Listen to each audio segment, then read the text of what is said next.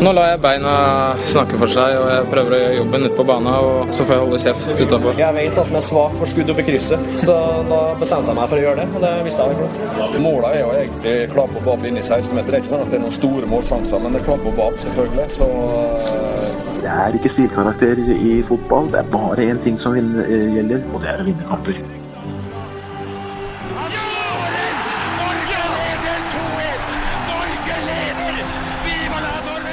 Og der er vi tilbake i toppfotball. En dag eh, senere, eller etter det vi pleier å spille inn, Lasse. Velkommen.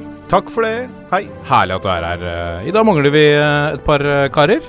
Ja, ma- mangler Jørgen, da. Ja. For du pleier å introdusere han først. Ja, det er sant. Jeg pleier å gjøre det. I dag er stolen hans tom. Ja. Vi skal klare oss uten det. I dag har vi med en, en supervikar. En, eh, en klubblegende. Men eh, kanskje for mange aller mest kjent eh, som programlederen for Skal vi stupe på TV 2. Fredo Santos, velkommen. Jo, takk, takk for det. Hvordan var det Det er en stund siden. Det ble aldri en oppfølgingssesong av Skal vi stupe. Eh, nei, pussig nok så ble det jo ikke, ble det, jo ikke det. Det var gøy. Vi hadde fire fine dager i, i Trondheim. Det var litt av problemet at vi skulle gjerne på, se- TV Mm. så ser det ut som det har gått en uke siden sist, og de kan ha øvd masse. Ja. Men det de kunne, det var ikke masse, for det var liksom dagen etterpå. For vi spilte inn alt i ett. Og da ble det ikke noe progresjon.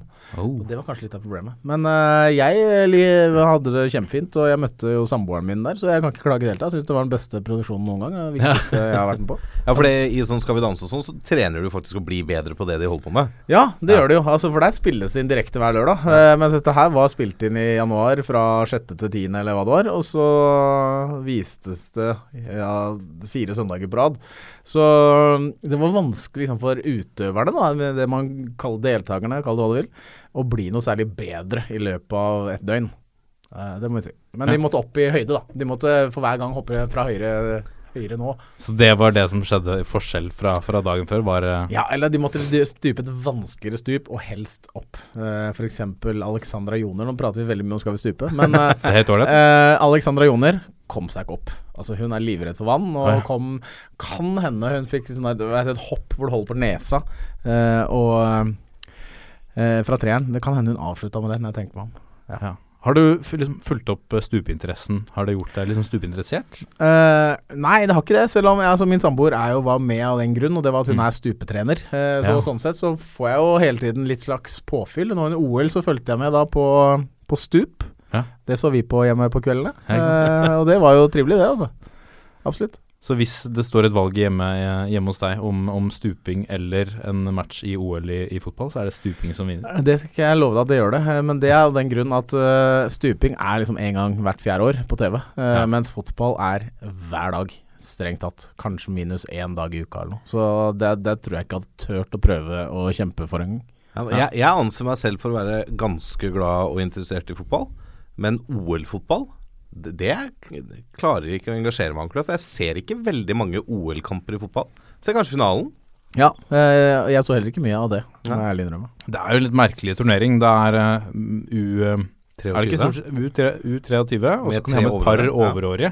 Det er jo Det er vel fordi at v- eh, fot, eller Fifa Ja. eh, ikke ønsker en konkurrent til VM. Er det ikke mer eller mindre det? det er. Jeg, jeg har noen følelse av at det er det. At eh, hadde alle lag kunne stilt med det beste, og det hadde vært litt mer schwung rundt fotballen, Mm. så hadde de måttet tatt litt av gløden. Det, OL er jo størst i alle andre idretter, så er OL viktigst. Ja. Bortsett fra fotball. Ja, det er, omtrent, ja. er litt pussig. Ja, ja. Det i hvert fall- Jeg er helt enig, jeg har aldri hatt den samme schwungen over det. Nei. Men uh, hva er det, nå er uh, norske fotballsesongen over. Det, vi, det gjenstår riktignok uh, kvalifisering til uh, Tippeligaen. Kvalifisering til toppserien vel også. Eh, nå tok jeg deg litt på Eller eh, Ja, tok, jeg litt på senga. Ja, det gjorde det. Uh, jeg, jeg har i hvert fall hørt at det skulle spilles om det er ferdigspilt, eller om de spiller, det vet jeg ikke. Nei. Jeg hørte bl.a. at Lyn uh, kjempa om å rykke opp i toppserien. Ja. Vi har også, Såpass vet jeg. ja, vi har også to cupfinaler til uh, helga. Og Ja, Eh, vel eh, kanskje i hvert fall tre. Vi har en G19 nå. Men har G19 Og G16. Altså Og det er flere Ja, flere jeg cupfinaler. beklager, gutta. Nei, det er greit. Der tok vi deg litt på Og jenter eh, 19, og så Ja, jenter det er 16. Så det er en hel haug av cupfinaler. Ja. Ja, men da regner jeg med at dere dekker eh, gutter og jenter 16-cupfinalene etterpå? Det Jeg vet at jeg. Start spiller iallfall gutter 16, og så er det Vålerenga-Molde i gutter 19. da Så den spilles i Telenor Arena klokka 11, tror jeg, hvis ikke det er feil, på lørdag. Forkamp til damefinalene. Ja, Ja, så det, altså det er noe man kan prøve å få med seg. Nå følte jeg meg liten i denne stolen. Jeg jekker ned et par hakk. Nei, men det er greit. det, Er... Men du, i den forbindelse så er det hvert år så er det cupfinaleseminaret, Freddy, på, på Det er på Ullevål stadion. Det er på Ullevål, ja. Og der er du i år. Ja, altså Grunnen til det altså, i utgangspunktet, Det er et slags trenerseminar Det er et tremen- trenerseminar hvor du må ha UFA eller Pro eller hva det heter. Mm. Og det har ikke jeg. Så i dag, Men i dag så skulle Ronny Deila og Erik Hamren holde foredrag. Og det hadde jeg lyst til å høre på, eh, så da sneik jeg meg inn. eh, Rett og slett. eh, Ved hjelp av å gå inn eh, under dekke av at jeg var der med TV 2. Eh, og så når, eh, når eh, media ble sendt ut, så ble jeg igjen. Eh, for da var jeg ikke der i, når dekka TV 2 lenger. For jeg er jo ikke ansatt TV 2 lenger, så det, så det er jo fair nok. Satt du på bakerste rad og gjemte? Ja, jeg satt meg ikke Jeg satt meg faktisk litt ut på siden under Deilas, og så sto jeg bak under, eh, under Erik Hamren sitt. Ja. Men var det noe Kom det fram noe nytt og spennende som lytterne bør eh, få med seg? Uh, nei, det var mye spekulasjoner. da Du vet, Når det er de 200 fremste trenerne Det var et par unntak der. Jeg så ikke Solskjær, jeg så ikke Rekdal blant annet. eh, men de aller fleste Nei, Rekdal er ikke trener lenger. Han er sportslig administrativ leder. Korrekt. Det er et annet seminar, det. Det er et annet, et annet seminar, der han var. Men jeg så ikke en del av de som det spekuleres rundt når det gjelder landslagsrollen. Eh, landslagssjefsrollen. Men bortsett fra det, så var jo kanskje de 200 beste trenerne, mest uh, meritterte Alle trenerne var jo der. Mm. Og da merker du at eh, når liksom, hovedjobben, da, hvis man kan kalle det det, eh, i norsk fotball, landslagstrenerjobben, ikke er besatt av noen, så, så følte jeg liksom at jeg jeg, jeg, jeg, jeg merka liksom det var en slags sånn testosteron i rommet, hvor alle ja. egentlig tenker at Ikke alle, da, for det er noen som skjønner det ikke blir, men Ja. det er nesten up for grabs, da, den rollen. Uh, så det var litt Var gøy. folk litt irritert på hverandre? Nei, ja, det var gemyttlig, det er ikke det jeg sier, altså, men uh, ja, det var litt gøy å følge med. Men tror du liksom blant de som sitter der, at vi har hørt de åpenbare kandidatene, tror du liksom det er litt sånn at det sitter en eller annen trener på et eller annet eh, I et eller annet lag det kom et, eh, kom et eksempel som ikke har blitt nevnt blant kandidatene, som tenker at kanskje er en liten sjanse for at det blir meg? Ja, jeg har faktisk én der, for det har vært noen navn, da. Ja. Nå vet jeg vi skal snakke om det her litt seinere, men Ja, det er jo en mann som har følt seg forbigått i fjor, og føler seg forbigått i år. Og han trener Rosenborg, Norges beste lag. ja. Men ikke årets beste trener. Nei, Nei. ikke i fjor når han tok det double, og ikke i år når han kan ta det double for andre år på rad. Mm. Kåre Ingebrigtsen. Det er ingen som har nevnt han som landslagskandidat. Han er hvor gammel er han nå? Rundt 50. 50. Eh, har, har jo løfta Rosenborg opp fra å være litt sånn eh, bak Molde der, og ikke være helt der Rosenborg skal og bør være og har vært de siste åra, og tatt de opp igjen. Mm. Bør ikke han være en, en kandidat til den eh, rollen?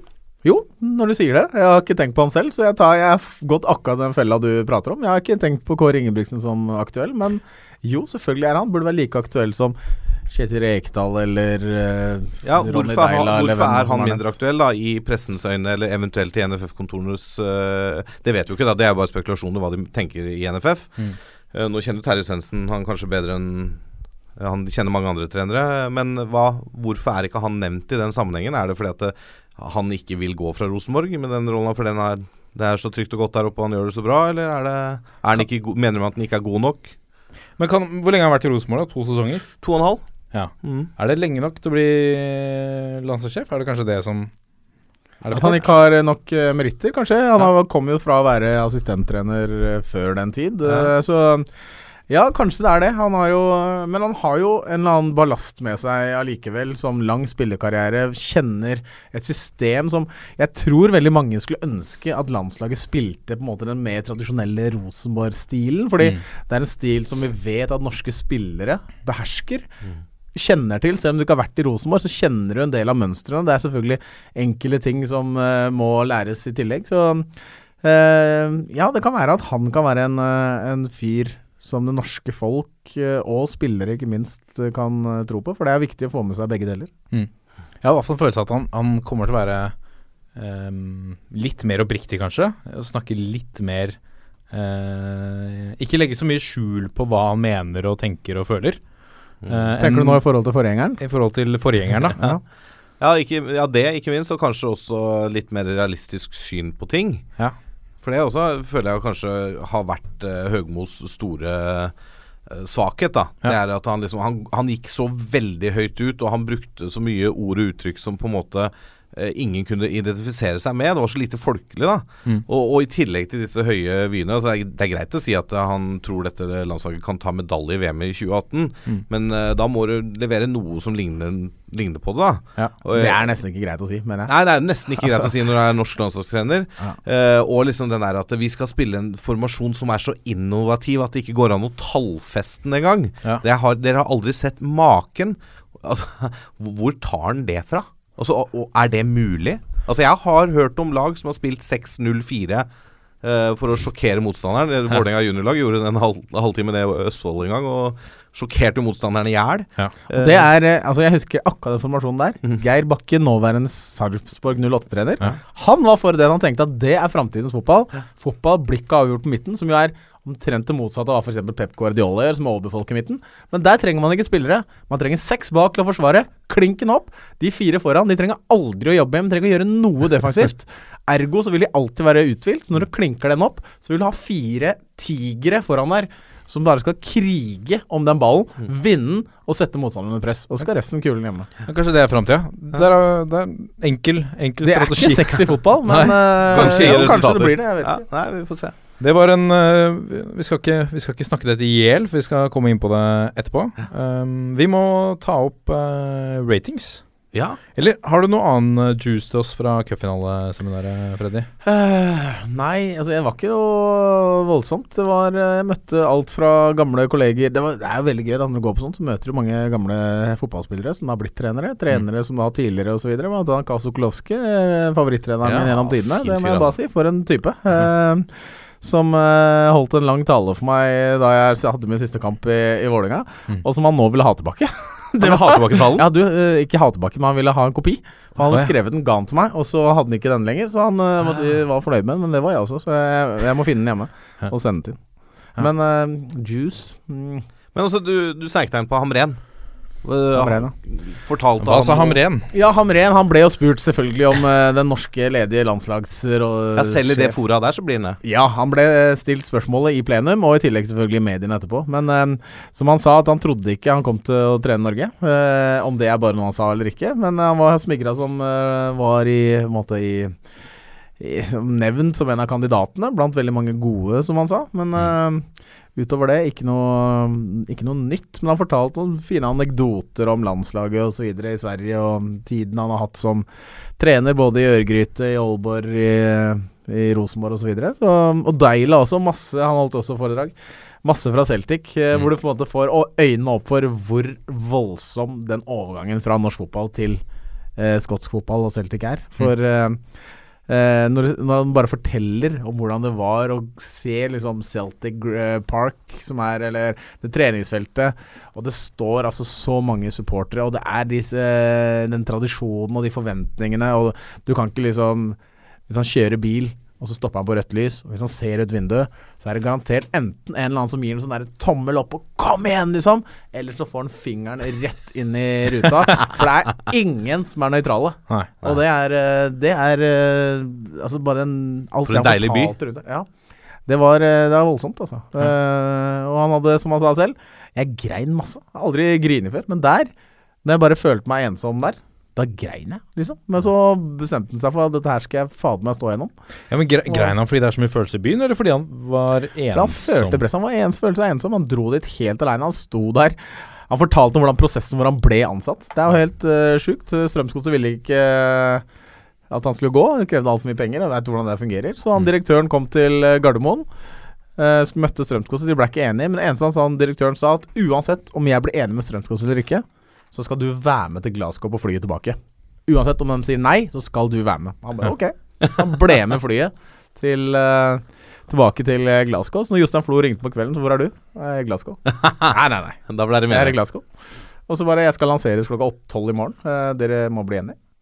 Og så, oh, ja. og så ble de enige fem på tolv. Og så det er eh, Det var eh, det, det var voldsomt. Det, ble, det var stort, liksom. Men vanligvis så vil jo trenere ha med seg kanskje en assistent eller noen fra den klubben han kommer fra, for å på en måte kanskje ha det litt trygge. da Du ser jo det at de Klopp gjør det, Mourinho England Altså De tar med seg sine folk så det er ikke bare at de skifter manager. Men han kom altså helt alene. Helt alene, men han fikk noen over etter hvert, som eh, ble Ja. med. Annet Håkon Lunov, som han hadde også Ja, i Strømsgodset. Mm. Og så var det to navn til han nevnte, eh, som jeg ikke kjenner, men eh, som også var med han over. Eh, så etter hvert så ble det et lite team, da. Men eh, ja, som sagt, først så måtte han jo både overbevise ikke bare spillergruppa om sin filosofi, men også et helt team som var der fra før av. Mm. så eh, det var en uh, voldsom oppgave, men uh, som han løste strålende. strålende. Kan jeg stille et spørsmål til, Martin? Før jeg ja, det er, Jeg ble ja, det, er, det er vårt program. ja, ja, det er bra. Uh, har du trua på Ronny Deila som Vålerenga-trener? Ja, etter det han fortalte i dag, så bare Jeg, jeg fikk så troa. Eh, Så deilig å høre. Det må jeg bare si. Han, måten han Han bare skisserte sin ledelsesfilosofi For det, eh, dette seminaret handla om ledelse. Og måten han skisserte hvordan han jobber med spillere, med utvikling, med mennesker. Det var, det var bare man ble glad av å høre det. Eh, jeg tror at han er den type treneren som får det beste ut av hver enkelt. Og det, da blir summen bra, da. Men cupfinaleseminaret, for de som ikke har vært her, og det vil jeg tro er kanskje de aller fleste, ehm, er, det, eh, er det preget av foredrag fra, fra store personligheter? uh, eller er, det taktikk og litt sånne ting? Hvordan er det, Hva slags seminar er det? Det er jo begge deler, antagelig. Det jeg var I dag, så var det disse personlighetene, da. Eh, men så er, varer det over flere dager. Blant annet så er man ute på treningsfeltet og har økter hvor man følger Man trener sikkert noe ungdomslag eller et eller annet. Mm. hvor noen leder de, og man er med som en slags bis, tilskuer, rett og slett. Eh, og så er det jo greit at alle norske trenere som har disse lisensene på høyt nivå, de er nødt til å være der er annethvert eller tredjehvert år for å forfriske, for å få ny, fornya denne lisensen sin. Ja. Så det er jo alle norske trenere er jo der på et eller annet tidspunkt. Kan, ikke hvert år de må være der, men uh, så det er jo et faglig forum eh, hvor man skal utveksle ideer og, og metoder og få litt faglig påfyll. Ja, det er, eh, det er bra at eh, det arrangeres, og at det gjøres ting for eh, kompetansen i norsk fotball. Nå har det vel vært Det har vel pågått i mange, mange år, cupfinaleseminaret. Ja, det vil jeg tro, uten at jeg har noe oversikt over det. Jeg har hørt om det lenge, i hvert fall. Ja. Mm. Ratings. Lasse. Wangstein. Ja. Nå har vi fått inn uh, Dette er altså ratings i uh, iTunes, uh, Freddy. Folk som har gått inn og Jeg tror vi leste opp det forrige gang du var her også. Ja, det stemmer det. Ja, Forrige gang hadde vi ingen. Det tror jeg hadde én. Ja, men uh, i forrige sending. Oh, ja, ja, Da-. Ja, da har vi ingen. Nå har det rent med inn. deg hadde vi en, ja. Nå har det rent inn. Skal jeg ta den første? Fra Fredrik Visur. Uh, fem stjerner. Altfor få podkaster om norsk fotball. Fin lengde på episodene. Ofte interessante temaer. Det er kult, fordi forrige episoden har vært på én time og tre kvarter og sånn. ja. Så vi har tenkt at Fin lengde. lengde. Akkurat passe Det er ikke noe særlig pratsjuke her, da. Det er fint, det. Du kan ta den eh, Du kan ta den neste. Den var Ja, lang og fin. apropos fin lengde. Eh, overskrift topp underholdning. Fem stjerner fra Heia TIL. Bra jobb, gutta. Takk for det. Herlig. Kan ikke God bli mer eh, konkret tilbakemelding enn det. Hvem Nei, var, den uh, hvem var det som sa det om eh, Det var Ferguson som sa det, at den beste makemeldingen du kan gi noen, er 'well done'. Ja, well done, lad. Og det er det, liksom. Ja. Man kan si, da kan jeg gå tilbake til seminaret i dag. Ronny, Jonsson, nei, Ron, Ronny Deila sa at eh, det, han, altså, han, det han hadde mest lyst til å forbedre seg på, var å bli tydelig. Uh, han har hatt et møte med Roy Hodgson. Han brukte to minutter på å si noe som Deila bruker halvtime på å si. Og Ja. nå kanskje Deila har kommet ned til 20 minutter Ja. uh, på å si det han tidligere brukte en halvtime på. Og når han da kommer ned til å bruke to minutter på å si det han skal, og være tydelig på det, så har han lykkes. Og det, så det Kort tilbakemelding betyr at vedkommende Veldig bra. Ja. Tydelig. simple. Og så er det fra Spillmannen, eh, overskrift Hel V, fem stjerner. Et av ukas podkasthøydepunkter. Dyktig gjeng med svært god kunnskap om norsk ball. Eneste som trekker ned, er det misvisende navnet. Hva med ukentlig oddstips? Med vennlig hilsen Smoothie Dan. Eller Smooth, smooth Dan? Smooth Dan. Smooth Dan. Han har hatt en smooth reise. Han mener altså at norsk fotball ikke er toppfotball. Ja, det er jo helt sykt å melde noe sånt. Men uh, han, det, det får han, stå for hans regning. Ja, Veldig hyggelig melding uansett. Ja, ja, det er fem stjerner. Det er jo helt eh, Ja. strålende. Så er det to til. Ja, da har vi en fra Bebo98. Flinke fotballfolk er eh, overskriften. Ja. Det er en fryd å høre på disse gutta bable om ball. Norsk ball. Man blir faktisk mer glad i norsk fotball av denne podkasten. Stort minus at to av de faste stemmene, Lasse og Martin, er klin like. Hva?! Kan jeg aldri tenke meg. Da får jeg høre. Ok, Så må jeg en test. være en slags dommer, da. Okay. Nå lukker jeg øynene, og så må jeg prate av dere, og skal jeg se om jeg vet hvem det er. Skal vi si den samme setningen? Skal vi si den samme setningen? Uh. Ja, det var Martin først, det var Lasse. Det var, Ja, det ser du. altså, det var bare sur. Det var helt likt. dette er god radio. Ja, det er god radio. God Det har vært eh, kjempe-TV òg. ja. Men eh, Lasse, kan ikke du ta den neste ratingen, da? Jo, det kan jeg, Martin. Uh, det er fra Pål Erik Gundersen. Overskrift overlegent. Ekstremt god podkast med høyt kunnskapsnivå. Disse gutta vet hva de prater om. Alltid like gøy å høre på. Stå på, boys. Nå kommer pulsen. Og Der kommer uh, pulsen, eh, gutta. Uh, vi skal fortsette litt på Hva syns dere om den jingeren, forresten? Ja, den er så fin. fin. er fin, ja. Det kan ikke bli bedre. Helt enig. Tusen takk. Bra Videre. lagd. Videre. Eh, vi var inne på det i starten av sendingen. Per-Mathias Høgmo, uh, nå går han. Uh, på pressekonferansen ble det sagt at eh, innledningsvis at uh, Per-Mathias har besluttet å trekke seg, før pressekonferansen ble avsluttet med å si at det er viktig å presisere at eh, vi har blitt enige om at han skal gå. Det er altså et mesterverk i en gjennomført eh, pressekonferanse, det der. Ja. Eh, Det første er jo det at eh, NFF da sender ut en melding klokken 09.31 hvor det står at eh, Høgmo går av som landslagssjef. Det innkalles til pressekonferanse på Ullevål stadion klokken 10.00. Da, da fikk altså Presse-Norge 29 minutter på seg på å innfinne seg i kinoteket på Ullevål, Ja. sette opp livelinker og kjøre. Nå ble den fem minutter forsinka, men allikevel, det syns jeg er snaut. Altså. Du, det er ganske stor nyhet i norsk fotball. da Mm. Landslagssjefen går av. Men tror du ikke Men du har jo bakgrunn som mediesjef i Ja. Vålerenga. Du har sikkert arrangert noen pressekonferanse i forbindelse med trenerbytter. Eh, hva kan være grunnen til at man venter så lenge med å sende ut en invitasjon?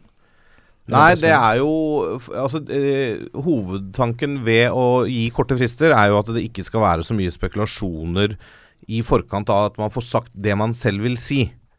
Det er jo tanken her. Mm.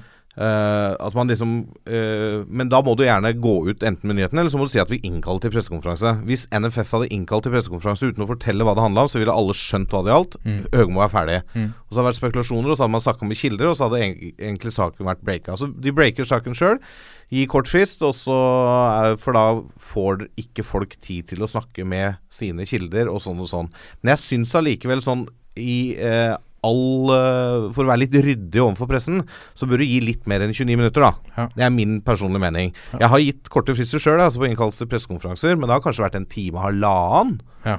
Uh, Hvorfor det, da? Var det fordi du var for seint ute med jobben din, eller var det fordi at det var da, det var, da har man blitt enige om det internt. da Okay. At nå går vi ut og så innkaller vi til pressekonferanse. Uh, Men da vet du også, for det, veldig ofte så handler det om spillere. da Mm. Og når du skal signere spillere, så er det veldig viktig at man ikke kommenterer det før den er signert, og før papiret eller blekket har begynt å tørke. For det, vi opplevde ett tilfelle uh, hvor vi skulle signere en uh, Jeg lurer på om det var Sebastian Mila, din favoritt, Freddy? Ja, jeg var Det er jo noen år siden. Ja, ja. Det var Petter Myhre var trener. Eh, Ja, ja. 2007, tenker jeg det var. Da gikk vi ut og fortalte at ja, live pressekonferanse fra Valhall eh, klokka 19.45. Og den gikk ut med sånn i et par timer før, da. At vi både skulle streame live, og at det var innkalt til pressekonferanse. Presentasjon av ny spiller. Ja. På den tida så kommer det da to nye agenter til Valle og står og banker på døra og mener at de representerer spilleren.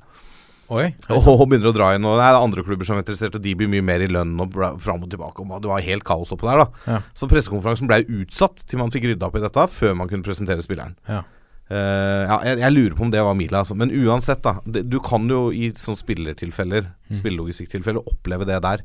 Uh, men så er det det der med at du ønsker å være først ut med nyheten selv. Du ønsker å styre nyhetene så godt som mulig selv. Mm. Det er derfor man gir de korte fristene, sånn at man, eh, pressefolka ikke får tid til å spekulere, hente kilder, eh, snakke med masse folk som kanskje vet noe, som velger å prate under bordet, holdt jeg på å si, eller ja, prate som skjulte kilder, da. Ja. Eh, Det hadde vært veldig gøy hvis de hadde bare innkalt til pressekonferanse, og så hadde de, når pressen kom der, så hadde de lansert en ny avtale med Bama, f.eks. ja, ny drakt.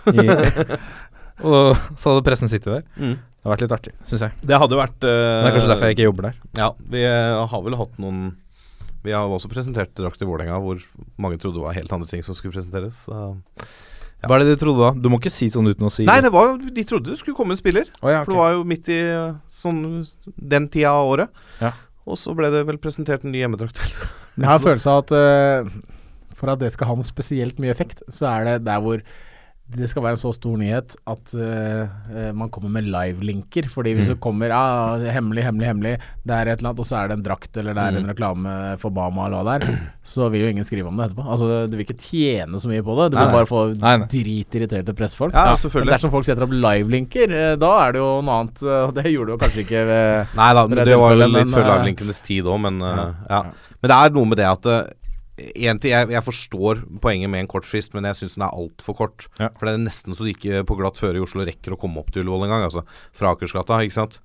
Så det er, eh, og, og pressekonferansen i seg selv, eh, du var jo så vidt inne på det. Det som ble sagt på pressekonferansen, det var jo et studie for oss som jobber med kommunikasjon, for å si det pent. Ja, det var mye politikersvar. Ja, det var jo Det begynte jo egentlig for så vidt med masse selvfølgeligheter og liksom Ja, Høgmo har valgt å tre til side av hensyn til laget, og det var bred enighet om at det var greiene. Og så kom jo han derre Hva skal jeg si eh, Altså Terje Svendsen hadde litt problemer med sluttpakka.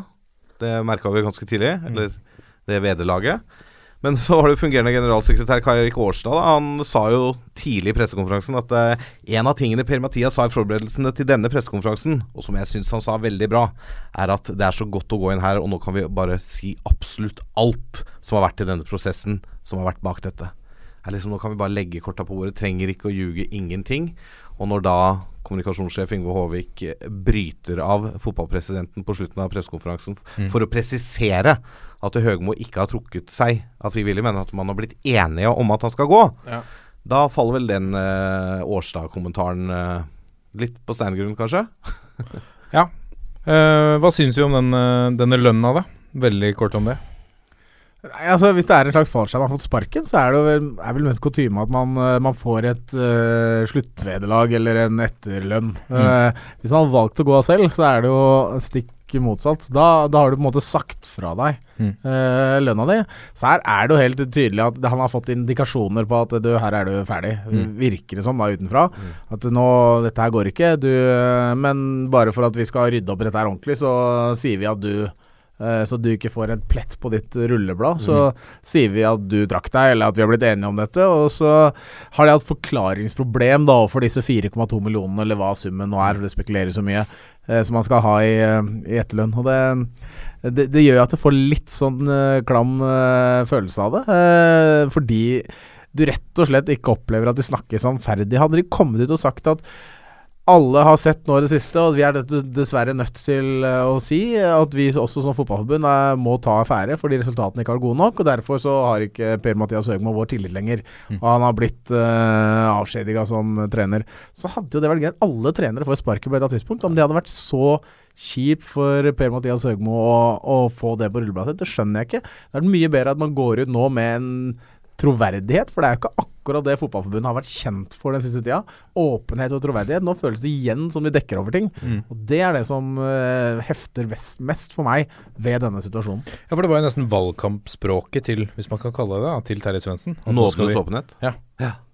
Var det det? Det var ikke akkurat det vi fikk? Nei, og det, jeg er helt enig med Freddy. For det er, det, det er en eller annen sånn greie da med at de tror at hvis vi sier at du har fått sparken, så er det dårligere for CV-en din. Eller at han Så jeg tror det her er at Fotballforbundet har gått til Per-Mathias og sagt at vet du, nå er det bra. Du skal få lov til å diktere litt hvordan vi går ut med dette selv.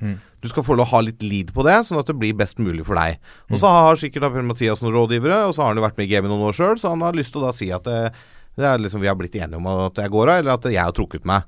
Men når han da får den fallskjermen da på resterende tid av kontrakten, så er det ikke noe tvil. Da har du fått sparken, mener jeg.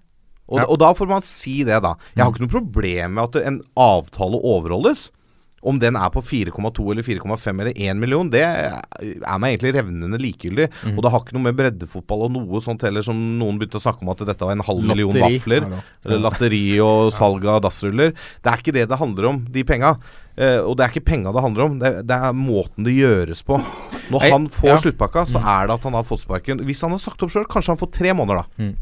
Ja, jeg jeg syns det er viktig i den debatten der, for det, det kommer alltid fram når det snakkes om penger i norsk fotball. Og så må man stille seg et spørsmål om de samme menneskene som kanskje sitter og klager over at dette er penger som blir brukt på dugnad, er jo de menneskene også som klager på resultatene i norsk fotball, som klager på at, um, at vi har for lite Altså Uh, alt fra hvordan landslaget spiller til at vi må ha mer kunnskap inn i fotballen osv. Men uh, disse pengene, hvis man kan si det sånn, da, det er jo man, Hvis man kan si at mye av det kommer fra en TV-avtale, f.eks., eksempel Mm. som har generert milliarder de siste, eh, de siste årene. Mm. Um, jeg, jeg skjønner ikke hvordan det uh, vaffel- og, og, og dorullargumentet skal komme hver eneste gang. Men det, er, det, er jo, det er jo sånn Det koster å drive. Det koster å Folk drive. nå er veldig slags misunnelige på at han har så mye lønn, eller misunnelige, eller de mener at det er feil at han har så høy lønn, da. Samtidig så så lanseres jo kandidater, eh, noen norske selvfølgelig, som kunne gått på mindre lønn enn det Per-Mathias Høgmo har. Men altså, du hører jo folk lansere kandidater som er helt utopi, nesten. Det, du hører jo eh, alt fra Capello til Roy Hodgson til Altså, det er, det er masse, da. Og de hadde gått for 10 millioner og 20 millioner. Det er, til syvende og sist er resultatene som sier om det er Eh, om det er godt anvendte penger eller ikke. Og denne, denne sammenheng så var det jo ikke det, for Per-Mathias Høgmo lykkes ikke.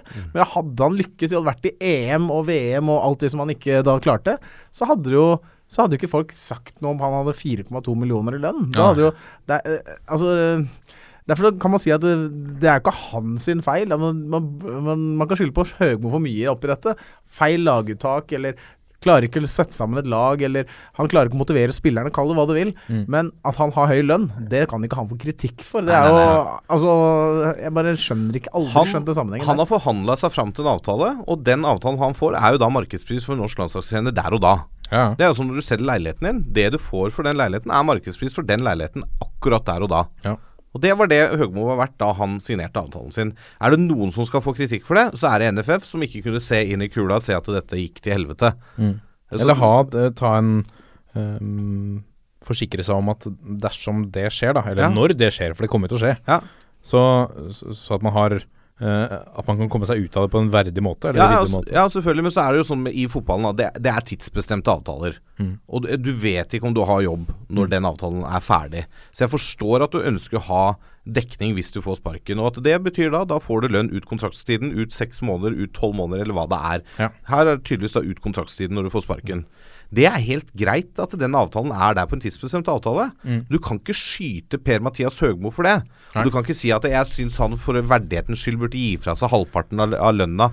Uh, sånn at eh, det ser litt bedre ut. Du kan ikke si det. Han, det, det, han forholder seg til avtalen, han. Og si nå at man skulle få inn den som 97% av alle nordmenn vil ha. Det er så Ståle Solbakken. Han kommer ikke til å gå for noe mindre enn Høgmo. Og dersom Han han tjener 10 mill. i året nå i Han tjener i hvert fall mer enn det Per-Mathias Høgmo tjener for norske landslaget, tjener han i FCK. Mm. Så han kommer ikke til å gå for noe mindre enn en Per-Mathias. Eh, og da er spørsmålet er, er det resultatene i etterkant som skal forsvare Mm. eh, om du hadde rett lønn eller ei. Det kan man jo si, men det blir så etterpåklokskap at det, man kan liksom ikke forholde seg helt til det. Nei. Og Hvis han lykkes, og vi er i EM i, to, i 2020, og det er Solbakken som drar oss dit, så er det ingen som klager. Men han har en høy lønn. Eh, Mhm. men det har han fortjent, da. Men nå har ikke Høgmo fortjent den, for han har gjort en gjort en dårligere jobb eller tilbakevendende kraft. Det er tilbakevendende kraft, og det er Det blir litt sånn klønete å forholde seg Ja, til. for det går an å kritisere Per-Mathias Høgmo for ganske mye de siste åra. Ja. Men akkurat den biten der syns jeg blir totalt skivebom, altså. Å ta Ja, for- han på den, eh, de 4,2 eller hva det er. For han blir jo også ehm, Han sitter jo utsatt til. Ja. Så eh, han har jo en, en eh, La oss si f.eks. En, en Solbakken, da, eldre enn Solskjær. Når du tar over det norske landslaget, så er fallhøyden ganske stor.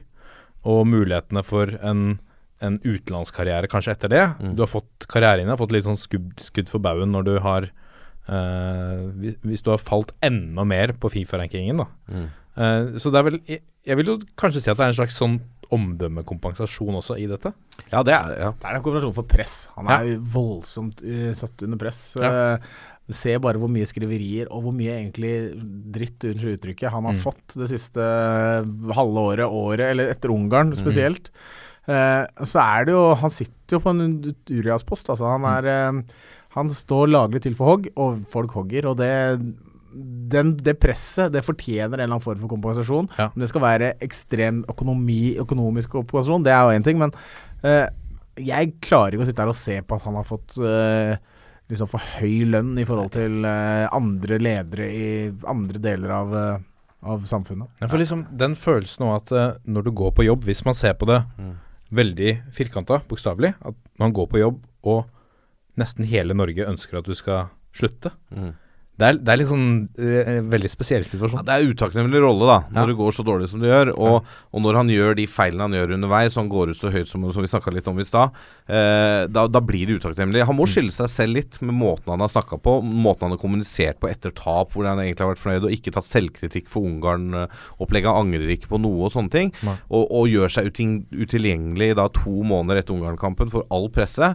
Eh, og, og det er kanskje det eneste jeg kan kritisere ham på i forhold til det at han får kompensasjon for press. da Det er at uh, når du får disse fire millionene, da, eller hva det er, så bør du, da syns jeg som kommunikativt at da kan du stille opp på individuelle intervju etter pressekonferansen òg, og ta de ti minutta det tar, så folk kan få den én-til-én-praten med deg på TV og eh, til avisene sine, ikke bare gå rett ut av pressekonferansen. Men det er bare, det er bare en detalj. Ja. Men jeg syns det, Såpass burde den bydd på. Ja. Ikke minst så var det jo Jeg trenger å gå inn på det, men hvordan han ble ansatt. Altså Mm. det Ja, ikke sant. Hele den prosessen Ja. rundt sparking av Drillo inn med, inn med Hø- Høgmo, Mm. det gjør at folk satt igjen med Han hadde Han fikk en dårlig start. starta på minus, da. Ja. Og da, er, da blir hele den situasjonen her Blir mye forsterka av det. Og, i- Eh, og i hvert fall når det har vært spekulert i at han har vært litt sånn med på hvordan den prosessen var.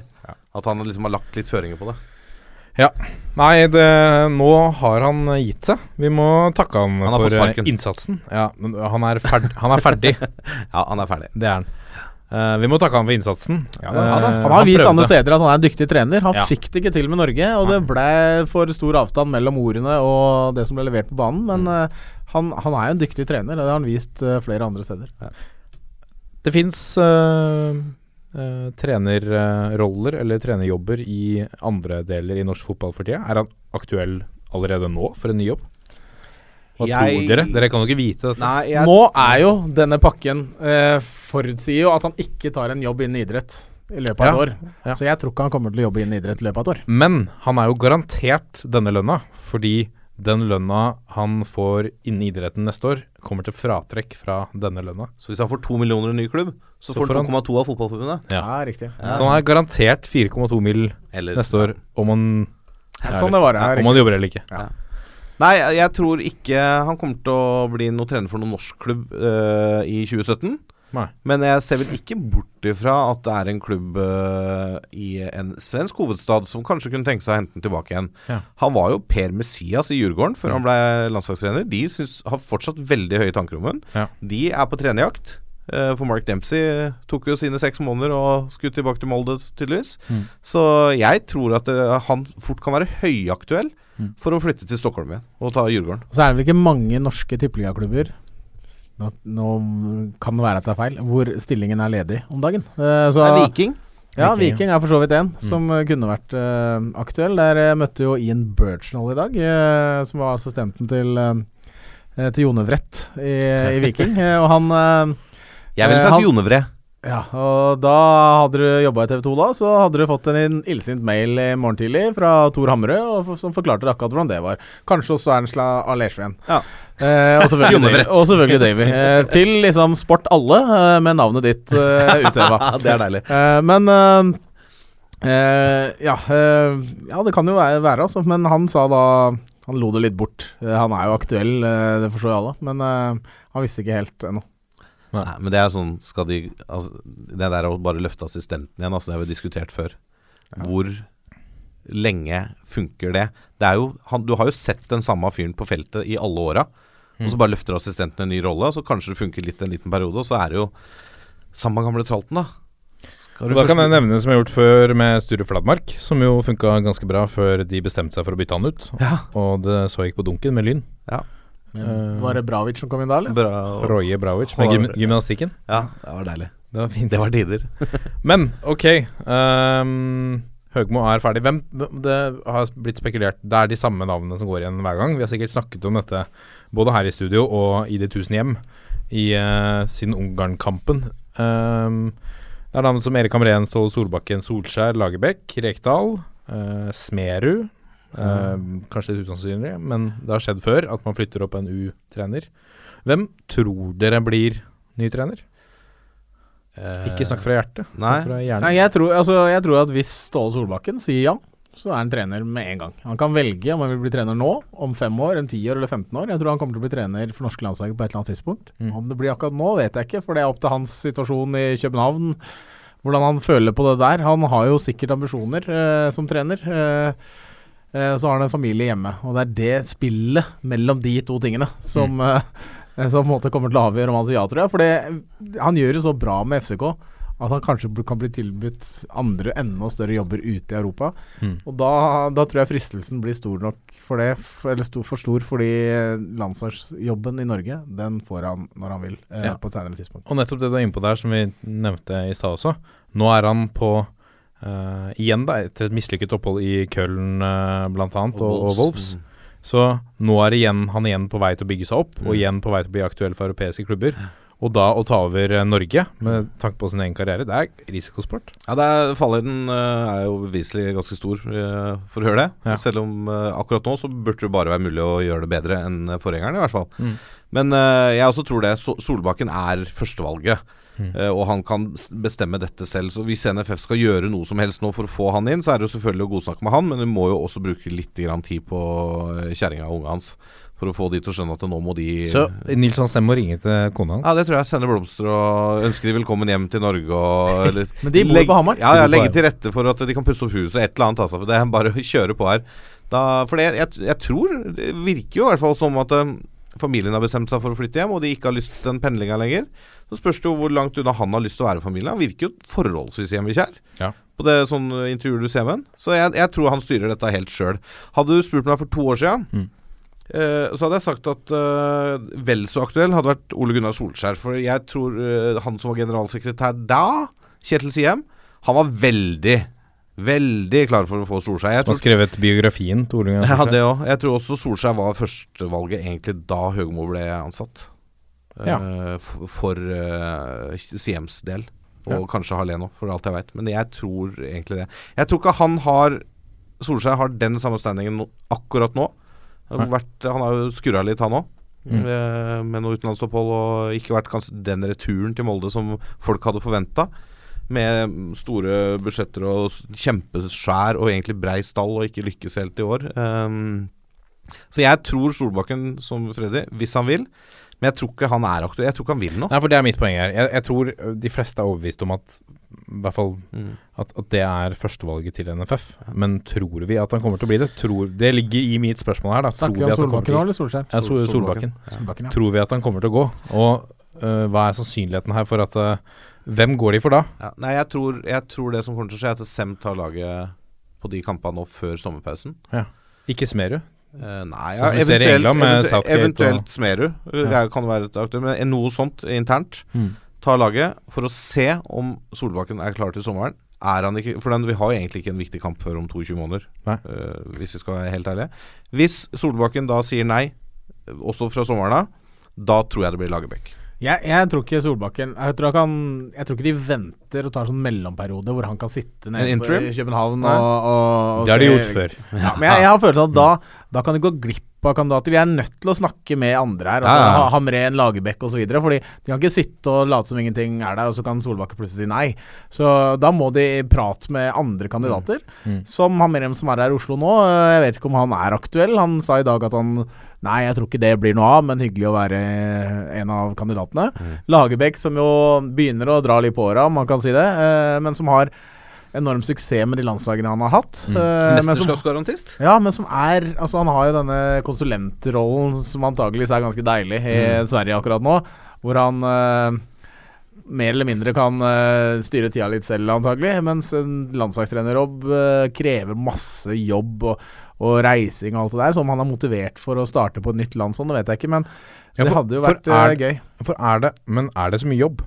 Altså eh, egentlig, har man ikke har man ikke folk til å reise rundt og se kamper for seg, eller drar man Hvor mye jobb er det egentlig å være landslagstrener? Det er sikkert mye mindre, du må ikke være til stede hele tiden. Men jeg, jeg tror også at Fotballforbundet forventer at du ikke bare sitter hjemme og ser på DVD eh, hele tida. At du faktisk driver oppsøkende virksomhet. Og så er det jo en del andre ting. Så er det en del andre ting som ligger i en uh, landslagssjefrolle, og det er du skal jo fronte norsk fotball, så han må jo også være til stede på arrangementer Fotballforbundet har, mot sponsorer sikkert, mot, eh, mot folk, rett og slett, i norsk fotball. Mm. Så det er nok mer enn bare å være på treningsfeltet i fire dager eh, hver gang det er eh, landslagssamling. Eh, men Og så er det jo Lagerbäck er sikkert en veldig fotballklok mann, men han er nok ikke fullstendig oversikt over norske fotballspillere, norsk liga, alt sånt der. Så han er jo nødt til å gå rundt og sette seg inn i måtte, Han veit sikkert ikke hvem Kristoffer Haraldseid er, men han er en som banker på døra på landslaget etter hvert. Han har nødt til å sette seg inn i hvem norske fotballspillere er, og det krever litt uh, innsats. Uh, Men, ja, Ja, men han, ja, nei, sorry, hvis vi skal hente noen utenfra, da,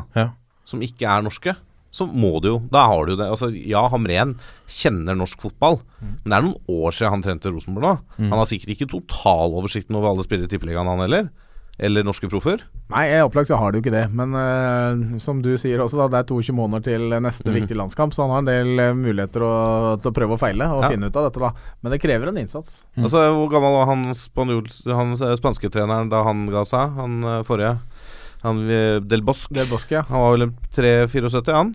Og hvis du ser Lagerbäck, han er 69 nå. Det er jo han i den alderen når vi er i neste mesterskap. Og så gir han seg på med nok et mesterskap der. Jeg tror han er helt altså, Jeg tror ikke det blir han, men nå, er, nå gikk jeg rett over fra tror til uh, håper. Ja. Hvis Solbakken ikke er aktuelt.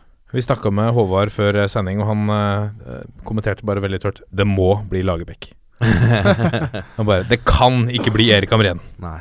Eh, og poengterte da Oppdas statistikk som viste at Sverige var det laget som løp mest under siste mesterskap. Minst, ja. Ja, minst. Unnskyld. Mm. Jeg sa mest, jeg. Mens Island løp Ja. mest. Det stemmer. Så det er jo nesten et sånt skille der. Hva Ja. er vi Jeg tror vi trenger et lag som løper litt. Ja, vi, helt åpenbart. Vi må Mm. ha en trener som stiller ekstremt tydelige krav til spillergruppa si. Mm. På innsats, uh, måten man opptrer i media. Skal ikke ha noe sånn sutring over at jeg får dårlige børskarakterer, og, og at pressen er imot oss, og hele Norge er imot Det er alltid dritt mot landslaget og sånne ting. Du, må ikke, du kan ikke ha sånne folk eh, som forsurer landslagsmiljøet. Nei. Du må ha hel ved, altså hele veien. Og, og det er jo kanskje problemet til norsk fotball nå, da. Og det har Rekdal påpekt før. Vi har ikke noen ledertyper. Nei. Vi har nesten ikke stoppere, eh, omtrent. Vi har nesten ikke spisser. Altså, vi, vi mangler sånn altså, Vi eh, har jo er bra med bekker, det. Bra Ja, bra med bekker, høyrebekker etter hvert. Men altså, vi har liksom Hvis du tenker 98- og 94-laga, da. Mm. Det var jo faen meg sju, åtte, ni kapteiner på banen av gangen. Ja. Ja. Det Det er, sånn, det er vanskelig for en landslagssjef å lage en ledertype. For Ja, han ja, ser det jo hver fjerde måned, eller hva det er. Poenget er at det må skapes i norsk fotball. Eh, men han, det som er landslagssjefens jobb, er å ta ut uh, det beste laget. Være tydelig. På de få dagene han har, så må det være ekstremt tydelig på feltet. Jeg mener at liksom Folk sier at det er ikke så viktig hvordan det er på feltet, bare det er en god lagbygger. Men de fire dagene du har til rådighet, Mm. eller fem eller tre eller hva det nå er, på hver landskamp, Mm. da må du vite nøyaktig hva du vil av hver enkelt Mm. rolle, og du må klare å kunne formidle det til alle de sp spillerne som er der ute, eh, og som er aktuelle. Og det, det, det, det må være ganske enkle, tydelige ting. Og det må være konsist, og det må bringe Norge videre, da, Ja, helt- eh, på et eller annet vis. Helt klart. Og så må du ha eh, altså den vinglinga da, som f.eks. Høgmo viste nå før Tsjekkia. Hvor du tre spiller inn ett lag på alle treningene, og så skifter du rett før kamp. Mm. Så er det spillere som ikke har vært med vest engang. Som plutselig skal starte. Markus Henriksen f.eks. Og dette med spillere som ikke spiller i sin vante posisjon, som vi har vært innom før òg. De tinga der. Må være litt mer tydelig på det der. Og så, ja, så kan du si at fotball er ferskvare, så du bør ta ut landslagsspillere som er i form. Men se på Island, da. De har brukt nesten den samme elveren hele tida, uavhengig av spilletid på klubblag. Ja. Relasjoner. Mm. hele veien, og de Ja. har lykkes. Ja. De er gode for Island. Kanskje være litt Altså, var det 36 spillere han har brukt på A-landslaget i, i, i inneværende år, i 2016? 36 spillere har fått landskamp for Norge i Ja. 2016. Det er altfor mange. Tyder på at det blir få debutanter i neste periode. da. Ja, det blir jo det. Ja, det bør jo tyde på det, men du, du må i hvert fall ha en, uh, ha en stamme da på en 14-15 spillere, og kanskje 7-8 faste i laget hver gang. Jeg har lyst til å fristende å trekke fram en, eh, en, eh, en, en tweet. Nå husker jeg ikke journalisten som sa det, men, men han mente at uh, pressekonferansen var litt i Høgmos uh, ånd ved at den ble annonsert i kort tid før uh, begivenhetene skal inntreffe. Det syns jeg var litt artig. Ja, det er. Det er treffende. Ja, det er meget treffende. Altså, Poenget er at Høgmo har hatt så høy standing. Folk har jo mislykkes han gikk i veggen Rosenborg i Når var det? I 2006, hvis jeg tipper? Ja. Jeg aner ikke. Kanskje noe sånt. Men, Men bortsett fra det, så har han jo lykkes. Vært god i Tromsø, god i Djurgården. Han har liksom vunnet OL-gull med damelandslaget. Han har gjort veldig mye godt for norsk fotball. Vist seg som en dyktig trener. Og hva som liksom har skjedd akkurat i denne omgangen her, det er litt vanskelig å sette fingeren på. For det har, det har skjedd noe med hans væremåte som trener. Eh, og det, det tror jeg han sitter selv og grubler litt på. Hva, hva skjedde? Hva gikk gærent? For jeg tror ikke han helt Hadde han visst Hadde han sett dette her tegnet her? For det, det vir- det virker så tydelig for oss andre. Han blitt utydelig. Han snakker mm, Distansert. Svada. Eh, men han er jo en god trener, og det, det syns jeg er så rart at han ikke har fått mer ut av dette laget. Eh, og det, det, det kommer han sikkert til å stille seg masse spørsmål inni sitt eget hode, og gjør det sikkert daglig. Altså, hvor, Hvorfor lykkes ikke dette her? For det, dette kan jeg jo egentlig. Også med opinionen eller altså oss som følger fotballen, da. Alle som bryr seg om norsk eh, landslagsfotball. Du må si det som det er. I dag var vi dårlige. Vi tapte. Ikke snakk det rundt. Og når vi blir rundspilt altså Selv tante Olga på Toten ser at vi blir rundspilt. Da nytter det ikke at landslagssjefen står og ser at uh, vi hadde noe gode Altså det var masse positivt å ta med seg. Det går ikke an. Vil du ha en Kjetil Rekdal som sier at vi var totalt ræva? Ja, altså sånn i, altså, i den tydeligheten. Ja. Ja. Noe sånt vil jeg ha. Jeg, har, jeg har lansert Tom Nordli før jeg som landslagstrener. Ja. Fordi mange sier Da får du metaforer, da. Det kommer du ja, til å få. ja, og det er deilig. Ja. Eh, for det, eh, f- folk mener at Tom Nordlis eh, kanskje største negative egenskap er at han sliter ut en organisasjon Mm. eh, i en klubb over tid. Mm. Men i et landslag så møtes du en uke nå, en uke da. Og han er god på kamp eh, Altså på å fyre opp spillere til kamp. Kampmotivasjon. Han er god på kampplaner. Forholdsvis eh, pragmatisk i spillestilen. Direkte kontringssterk eh, type fotball. Kan hende en sånn type hadde funka bra på et landslag. Vi, Ja, vi kan godt spekulere mye i det, men uh, vi trenger egentlig ikke gjøre det. For det tror jeg ikke er aktuelt for Norsk, Norges Fotballforbund. Jeg tror ikke Eh, Reka er aktuell heller, akkurat. Og derfor så, Ja. derfor så skrumpes lista inn over de normalt aktuelle. Jeg men, var eh, jo innom brutter'n, da. Kåre Ingebrigtsen. Kåre Brutter'n. Kåre Brutter'n. Ja, han burde bli nevnt, i hvert fall i Ja, jeg syns det. Og nå har vi nevnt den. Så får vi se om noen henger seg på. Sett deg på tavla på Ullevål stadion. Det hadde vært naturlig liksom eh, at Skullerud, som hadde så lykkes med UN20, Mm. kunne vært nevnt han også, men nå tok han akkurat over Strømsgodset, så nå tror jeg ikke det er aktuelt lenger. Men uh, han Skal hatt et litt liksom- is i magen. Ja, men jeg tror han er veldig fornøyd med rollen han har fått nå. Men Ja eh, ja, han kunne også vært en av de som Ja, vi kunne ha diskutert i denne sammenheng. Ja, han har en god stjerne inne hos eh, NFF, i hvert fall. Ja, og det også Jo, er det er jo Norge. Det også teller jo med her. Men vi spurte Twitter-følgerne våre om hvem de trodde, ikke ville ha, men trodde ble landslagstrener. Mm. Og da svarer 51% Hamren. 51% tror ja. Uh, ja, Ja. de tror Hamren. Ja, for da, han har jo Han, har en, han fikk jo Sverige til forrige mesterskap. eh, eh, men han har jo ikke den høye standing Han, har høyere standing i Norge da med mm. jobben han gjør i Rosenborg, enn det han egentlig har i Ja, i Danmark. enn det han har i, i Sverige. Så ja, Drillo Jeg så Drillo var ute nå og sa at det ville være å gå og fortsette i samme sporet som, Ja, helt- eh, som helt eh. Høgmo. Mm. Han, er, han er ikke den direkte spillestilen som som uh, man kanskje se for seg at Norge bør etterstrebe nå om dagen, da. uh, med de spillematerialet vi har. Men eh, ja, det, han er jo en leder som uh, har hatt suksess, uh, og er en tydelig fyr. Jeg så var som sagt på seminar med han en dag, Mm. og han er en direkte fyr. Han er, uh, ekstremt engasjerende eh, når han står der. Han, han ville ikke ha mikrofon, for å si det sånn. Han Nei. sto der, han bare Ikke sant? Og han tar litt rommet, og det, det var litt gøy å se, faktisk. Han fikk jo kritikk i Rosenborg for at det var litt kjedelig. Men han hadde jo den der attityden og de tinga der, da. Mm. Så Men det er ting som funker med en gang, akkurat som Høgmo. At det var litt som et friskt pust. da Man tenkte at ok, men kjør diktlesning, da, hvis dere Mm. vinner neste match. Ja, ja. Samme for oss. Eh, da er det kjempebra. Ja. Og da er det en ny suksessfaktor. Og så var det attityden i Rosenborg. Og så ble folk litt lei av det òg. Bare faen, det her, det her funker jo ikke. Ja, det var- litt kjedelig fotball. Ja. De vant, men det var litt kjedelig. Og det er høye krav i Trondheim, altså. Ja. Så Nei, det blir spennende å se. Veldig spennende å se. Skal vi fortsette videre på personalbingoen, eh, Lasse? Ja, det er jo voldsomt til personalbingo i norsk fotball om dagen. Ja. Uh, må jeg finne notatene mine, for jeg husker jo ikke alle. Eller vi kan jo begynne med han vi så vidt var innom, da. Kjell Jone Vrett. Ja, Har jo Fra... fått sparken. Har han fått sparken? Ja. Og Det er akkurat det samme som med Høgmo. For, man, jo, for på mandag så kommer jo da Viking ut og forteller at vi har blitt enige med Kjell Jone Vrett at uh, våre veier skilles. Og takk for innsatsen, fire og et halvt år. Tommel opp, bra fyr. Mm. Men han går jo selv ut dagen etterpå, da, Jone Vrett i en svensk avis eller noe sånt. og Ja, jeg fikk vel egentlig sparken. Å ja. Ja, så dette er jo igjen sånn der Ok, du skal få lov Nå sier vi det på en måte som er bra for deg, sånn at det ikke ser ut på CV-en din som du har fått sparken. Offisiell klubbuttalelse er at vi har blitt enige Jeg kan jo tenke meg at det som har skjedd bak kulissene i Viking Fordi i Viking så har forutsetningene til Kjell Jonevret har forandra seg fra da han ble ansatt for fire og et halvt år siden og fram til nå. Fordi økonomien har gått ekstremt dårlig i Viking. De er nødt til å selge spillere. Han har ikke nærheten av det samme mannskapet som han har hatt tidligere. Eh, og det, det syns jeg egentlig for, eh, at han har vært ekstremt god til å takle utad. Eh, Sikkert knallharde diskusjoner inne på kontoret. Men når vi har intervjua han på TV 2, så bare 'Du har fem juniorer på banen i dag.' Ja, det blir kul. Og han selvfølgelig av og til har du ute og sagt at det er frustrerende at vi ikke klarer å beholde de spillerne vi har. Eh, at eh, Berisha-brødrene forsvant, at eh, Nå husker jeg ikke alle. So Source forsvant. At eh, eh, disse danskene hadde for noen år siden, og dette var han som var trener der, jeg husker ikke. At alle disse forsvant. Det er ikke det samme økonomien og mulighetene i Viking lenger. Nei. Så jeg tror på en måte at ambisjonene hans eh, og klubbens eh, ambisjoner ikke traff hverandre lenger, og at de, de måtte bare skille vei. Altså. Ja, Det har nok vært mer diskusjoner på kammer, som du sier. Samtidig, Viking hadde det tredje høyeste budsjettet i Tippeligaen i år, med 100 millioner kroner i budsjett.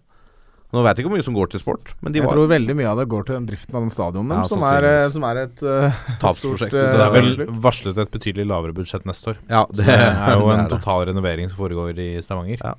Men, Ja. jeg, er helt, men, men jeg, jeg har en litt annen sånn oppfatning. Freddy. Jeg, ja, Riktignok jeg bare snakka med han et par ganger mm, på, på match, på jobb. Um, og jeg, jeg har fått liksom en følelse av at en, en mann som er litt sånn Han er litt sliten av dette nå. At det, er, det kuttes bare. Ja, Det de er kutter jo hit og dit. Og så prøvde jeg meg på en spøk hvor Ja, men uh, hvordan reiser jeg tilbake til Da hadde han vært på Nadderud. Hvordan reiser jeg tilbake til eh, Stavanger? Blir buss? Nei, nei, nei, vi skal fly. Han, eh, han, var ikke, han var ikke noe åpen for spøk om, om økonomien og Så Nei, det men det, det er helt var Han sånn har blitt sliten av, det, Ja. av de kuttene, det er ikke noe tvil om. Han mista til og med speideren Gary Goodchild, som har vært speider i klubben der, som, Ja. han også, som også forsvant. Så jeg tror han har følt seg litt alene mot, mot et sluk hvor han ikke har fått oppfylt ønskene sine. Jeg tror han har gått inn på kontoret og sagt Du, jeg vil gjerne ha hatt den spilleren der eller den spilleren der. Og så har han bare Det, det, altså, det kan du bare glemme. Ok, men kan jeg få beholde Kan jeg beholde Soleman, da? Ja. Nei, han må vi selge. Altså, det er eh, jeg, jeg skjønner at han blir sliten av det, ja. men jeg syns han har klart å holde maska og vært en positiv eh, figur for Viking allikevel, selv om du av og til ser litt på han at han blir sliten av det. Jeg veldig sans for han. Ja, som veldig. type. Jeg syns han fortjener bedre. Ja, jeg er helt enig, og, og det er sånn En ting er å selge spillere, men da må du bruke noe av de penga til å kjøpe en ny erstatter. da Men her har det bare vært selv, selv, selv. Hente opp noen juniorer, eller uh, hente noe billig rask. Så jeg skjønner det har blitt tungvint. Jeg er veldig spent på hva som skjer til neste år, og om da Samuel forsvinner, om Karol Mess forsvinner, og disse andre bærebjelkene i laget, Abdi som de henta for eh, Som antageligvis fikk ganske høy lønn osv. Om, de, om disse forsvinner, eller om de blir i klubben. For det er, eh, de trenger eh, De trenger noen positive og sterke karakterer der, for det, det er blitt tynna ut i rekkene. Ja, helt klart. Videre i personalbingoen. Ja, vi holder oss litt til i Tippeligaen, da. Ja. Skal vi gi en uh, snarere retur tilbake til Ullevål stadion først, eller? Ja. Med generalsekretær ja. Pål Bjerketvedt. Ja, vi hadde jo funger, nevnte jo så vidt fungerende generalsekretær eh, Kai Erik eh, Årstad. Ja. Ja, som eh, hadde en liten eh, variant på pressekonferansen. Det var jo det siste han gjorde som fungerende generalsekretær. Ja. For da er det jo Pål Bjerketvedt fra Moss. 56 år fra Moss. Ja. Administrerende direktør og sjefsredaktør i NTB. Og det jeg leste på Twitter i dag, han er fra Jeløy. Så én fra Jeløy, altså Per-Mathias Høgmo ut. Ja, en ny fra. Jeløy eh, inn. Ja. Østfold er representert. Og han har, har jo da fotballerfaring. Han har 275 A-kamper for Sprint Jeløy Oi. på 80-tallet. Så det var da annendivisjon. Det vil kanskje De var vel oppe og lukta på Obos-varianten et par år. Jeg vet ikke hvor, hvordan det var fra 1980 til 88. Det jeg er helt ærlig å si at det har jeg ikke helt kontroll på. Altså. Det, Nei. nå savna jeg Jørgen Kjernås, kjente jeg. Han har gitt deg et svar med en gang. Han har svaret med en gang. Men uh, han har jo da jo, Han har vært en pressemann. Jobba Ja. i Gjengangeren i Horten, som du vel er glad i. Å hei sann, er det sant? Ja da. Avisenes pressebyrå, Østlandets Blad, Østlendingen og Moss Avis, før da NTB. For en eh, stjerne. Han kommer til å gjøre det bra. Ja. Nei, altså det er jo Det jeg tenker da med en gang, er at eh, nå henter NFF en utenfra. Og det Mm. syns jeg er positivt. Ja. Uh, og de henter en som kan litt dette fagfeltet kommunikasjon. Mm. Som sikkert ikke er så dumt i den rollen, det heller. Og som kanskje har sett NFF fra utsiden. Mm. Uh, og i, med mantraet til Terje Svendsen, nådeløs åpenhet, kanskje vi får det litt mer nå enn han har lykkes med etter han sa det. Ja. For det har jo ikke Terje Svendsen vært veldig flink på, syns jeg. Nei. Jeg snakka med en i Fotballforbundet i dag, da trenger jeg nevne navn, men hadde jo da Bjerketvedt eh, vært der og holdt et lite eh, skal si, appell, introduksjonstale overfor de som jobber ansatte i Fotballforbundet, som syns det virka veldig, veldig bra. Mm. så denne ansettelsen har jeg tro på. og Jeg har sett også på Twitter folk skrive at dette er tap for NFF, men en mektig, nei, for NTB, men en mektig signering for NFF. Mm. Så uten at jeg kjenner til Pål Bjerketvedt i det hele tatt, så merker jeg at jeg er positivt innstilt, eh, og ønsker han all mulig lykke. Jeg er helt enig, jeg, jeg, og jeg tror det er positivt med den der litt eh, At han ikke kommer gjennom gangene, på en måte. Ja. At han kommer fra utsida. Mm. Og jeg håper han har den pondusen og tyngden som skal til for å gjøre de litt sånne litt vonde valgene internt Mm. til norsk fotballs beste. Mm. For det må røskes opp litt nå. Ja. Man må dra litt og lugge litt nå for at det skal bli bra igjen. Og da må det komme inn en som tør å gjøre det. Det håper jeg han har den pondusen og tyngden til å gjøre. Jeg ønsker han all mulig lykke til og er spent på det her. Det her jeg, jeg, men jeg også er sånn det jeg leser om ham, eh, har fått kjempetroa på den. Ja. Det her tror jeg blir bra. Spennende. Noterer meg at uh, akkurat det dere er inne på, at det er kanskje bra at vi kommer eh, At det kommer en fra utsiden uh, inn i og skal hjelpe norsk uh, fotball. En kandidat som Tove My Mo Dyrhaug i Mm. Rosenborg har vært nevnt. Eh, Sikkert også hadde gjort en god jobb, altså. Oh, ja, ja, ja. Men da, ikke sant, da har du Terje Sensen som ble president. ikke, hun ble ikke kontaktet engang. Nei, men jeg tror det er fordi at det hadde blitt veldig mye Rosenborg i de gangene der, da. Med sant. Svendsen som president, og så fått inn hun som generalsekretær. De to øverste stillingene i norsk fotball. Mm. Rett fra Rosenborg. Jeg tror ikke det Du hadde ansatt ledere som er i form, da, med tanke på ja, jo, jo, jo, og Tove Mo Dyrhaug, fantastisk uh, leder, og, og har gått gradene i Rosenborg. Ja. Vært innom mye rart. Eh, veldig fin person. Eh, jeg har bare positive ting å se om henne. Mm. Uh, Snakka mye med henne da jeg var i Vålerenga sjøl, og jeg tror hun kunne gjort en kjempejobb. Mm. Men kanskje om fem år, da. Videre i, eh, i bingoen vår, hvor eh, skal vi nå, Lasse? Ja, da tar en liten tur til Åråsen, da. Ja. For i dag så kom jo nyheten om at de har uh, fått seg fast trener. Ja. Etter at Arne Erlandsen var inne og redda klubben i høst, så fikk han uh, forlenga kontrakten sin med to år. Ja. Så da skal jo Lillestrøm tilbake til røttene med beinhard defensiv organisering, eh, knallkjappe kontringer og et ekstremt sterkt dødballag. Mm. Så blir det spennende å se hva de henter av spillere i vinter. Eh, jeg tror Freddy er glad han ikke spiller fotball lenger, for det Lillestrøm-laget der kommer til å bli vondt å møte neste år. Jeg er helt overbevist om. Ja, men eh, det er også de gøyeste kampene å spille, Ja, ja, i hvert fall som Vålerenga-spiller. Så Uh, Og akkurat uh, at det er trøkk mot på dødball og sånn, det syns jeg er helt greit. Det er litt gøy. Ja, det liker du, det vet jeg. Det er ikke noe problem med. Men uh, det er mye verre å møte Antony Uja som løper 140-meteren på to sekunder, enn å møte Frode Kippe som står og hopper. Så men eh, jeg tror det er en klok signering for, eh, for Lillestrøm. Han hadde jo suksess eh, på kort tid nå i høst. eh, hvor han eh, 3-2-1 på disse seks kampene han, eh, han trente laget. Mm. Så det digg. Og vi så jo effekten av det eh, med en gang. Ikke bare sånn resultatmessig, men også på, på i spillet. Mm. han er eh, tydelig. Det er no nonsense. Eh, og han er ganske klar overfor spillerne sine om hva som kreves. Så det Og enkle knagger. ja, absolutt. Eh, han jeg snakka med, han møtte han også på trenerseminar ja. i dag, og jeg gratulerte han med ny jobb. Og han var uh, godt fornøyd og syntes det var en helt rett avgjørelse. Ja, ja selvfølgelig syns han det. Det. Og det er bra. Han har selvtillit, vet du. Ja, Og det, det trenger jo altså Så alle kjenner klubber han trenger. miljøet, ikke Ja. sant. Han er, er tilbake til røttene i Lillestrøm, og jeg tror de er nødt til å begynne der. Og selv om jeg ikke er noe glad i Lillestrøm, så håper jeg dette betyr at det blir et økt engasjement rundt Lillestrøm òg. Og at de For det, altså jeg syns, i hvert fall for Vålerenga selv, så trenger vi Lillestrøm. Som en, en, en øh, Hadde vært en liten skandale om de rykket ned. Ja, det hadde jo det. Det var jo for så vidt det med Brann òg. Og jeg sa jo litt uh, på Twitter uh, da det begynte å brenne litt uh, rundt Åråsen, at ja, det var godt av et nedrykk. For at det eneste de tenker på der oppe, er å holde den der rekka si antall år i toppserien, da, eller Eliteserien. da Ja. Det er det viktigste. Det er null ambisjoner ute. Ikke sant? Det var fyrverkeri etter tolvteplass på Åråsen, altså. Det er jo helt uh, og da, ja, så, men, uh, men jeg skjønner jo greia. De, altså alle alle som holder med Lillestrøm, trodde det var kjørt. At Ja. uh, Erlandsen ble ansatt for seint. Det var for seint, liksom. Og de klarte seg med faktisk ganske god margin. Jeg skjønner du blir glad da. Og, Så det er Nei, jeg tror det er bra, bra signering for Lillestrøm. Ja.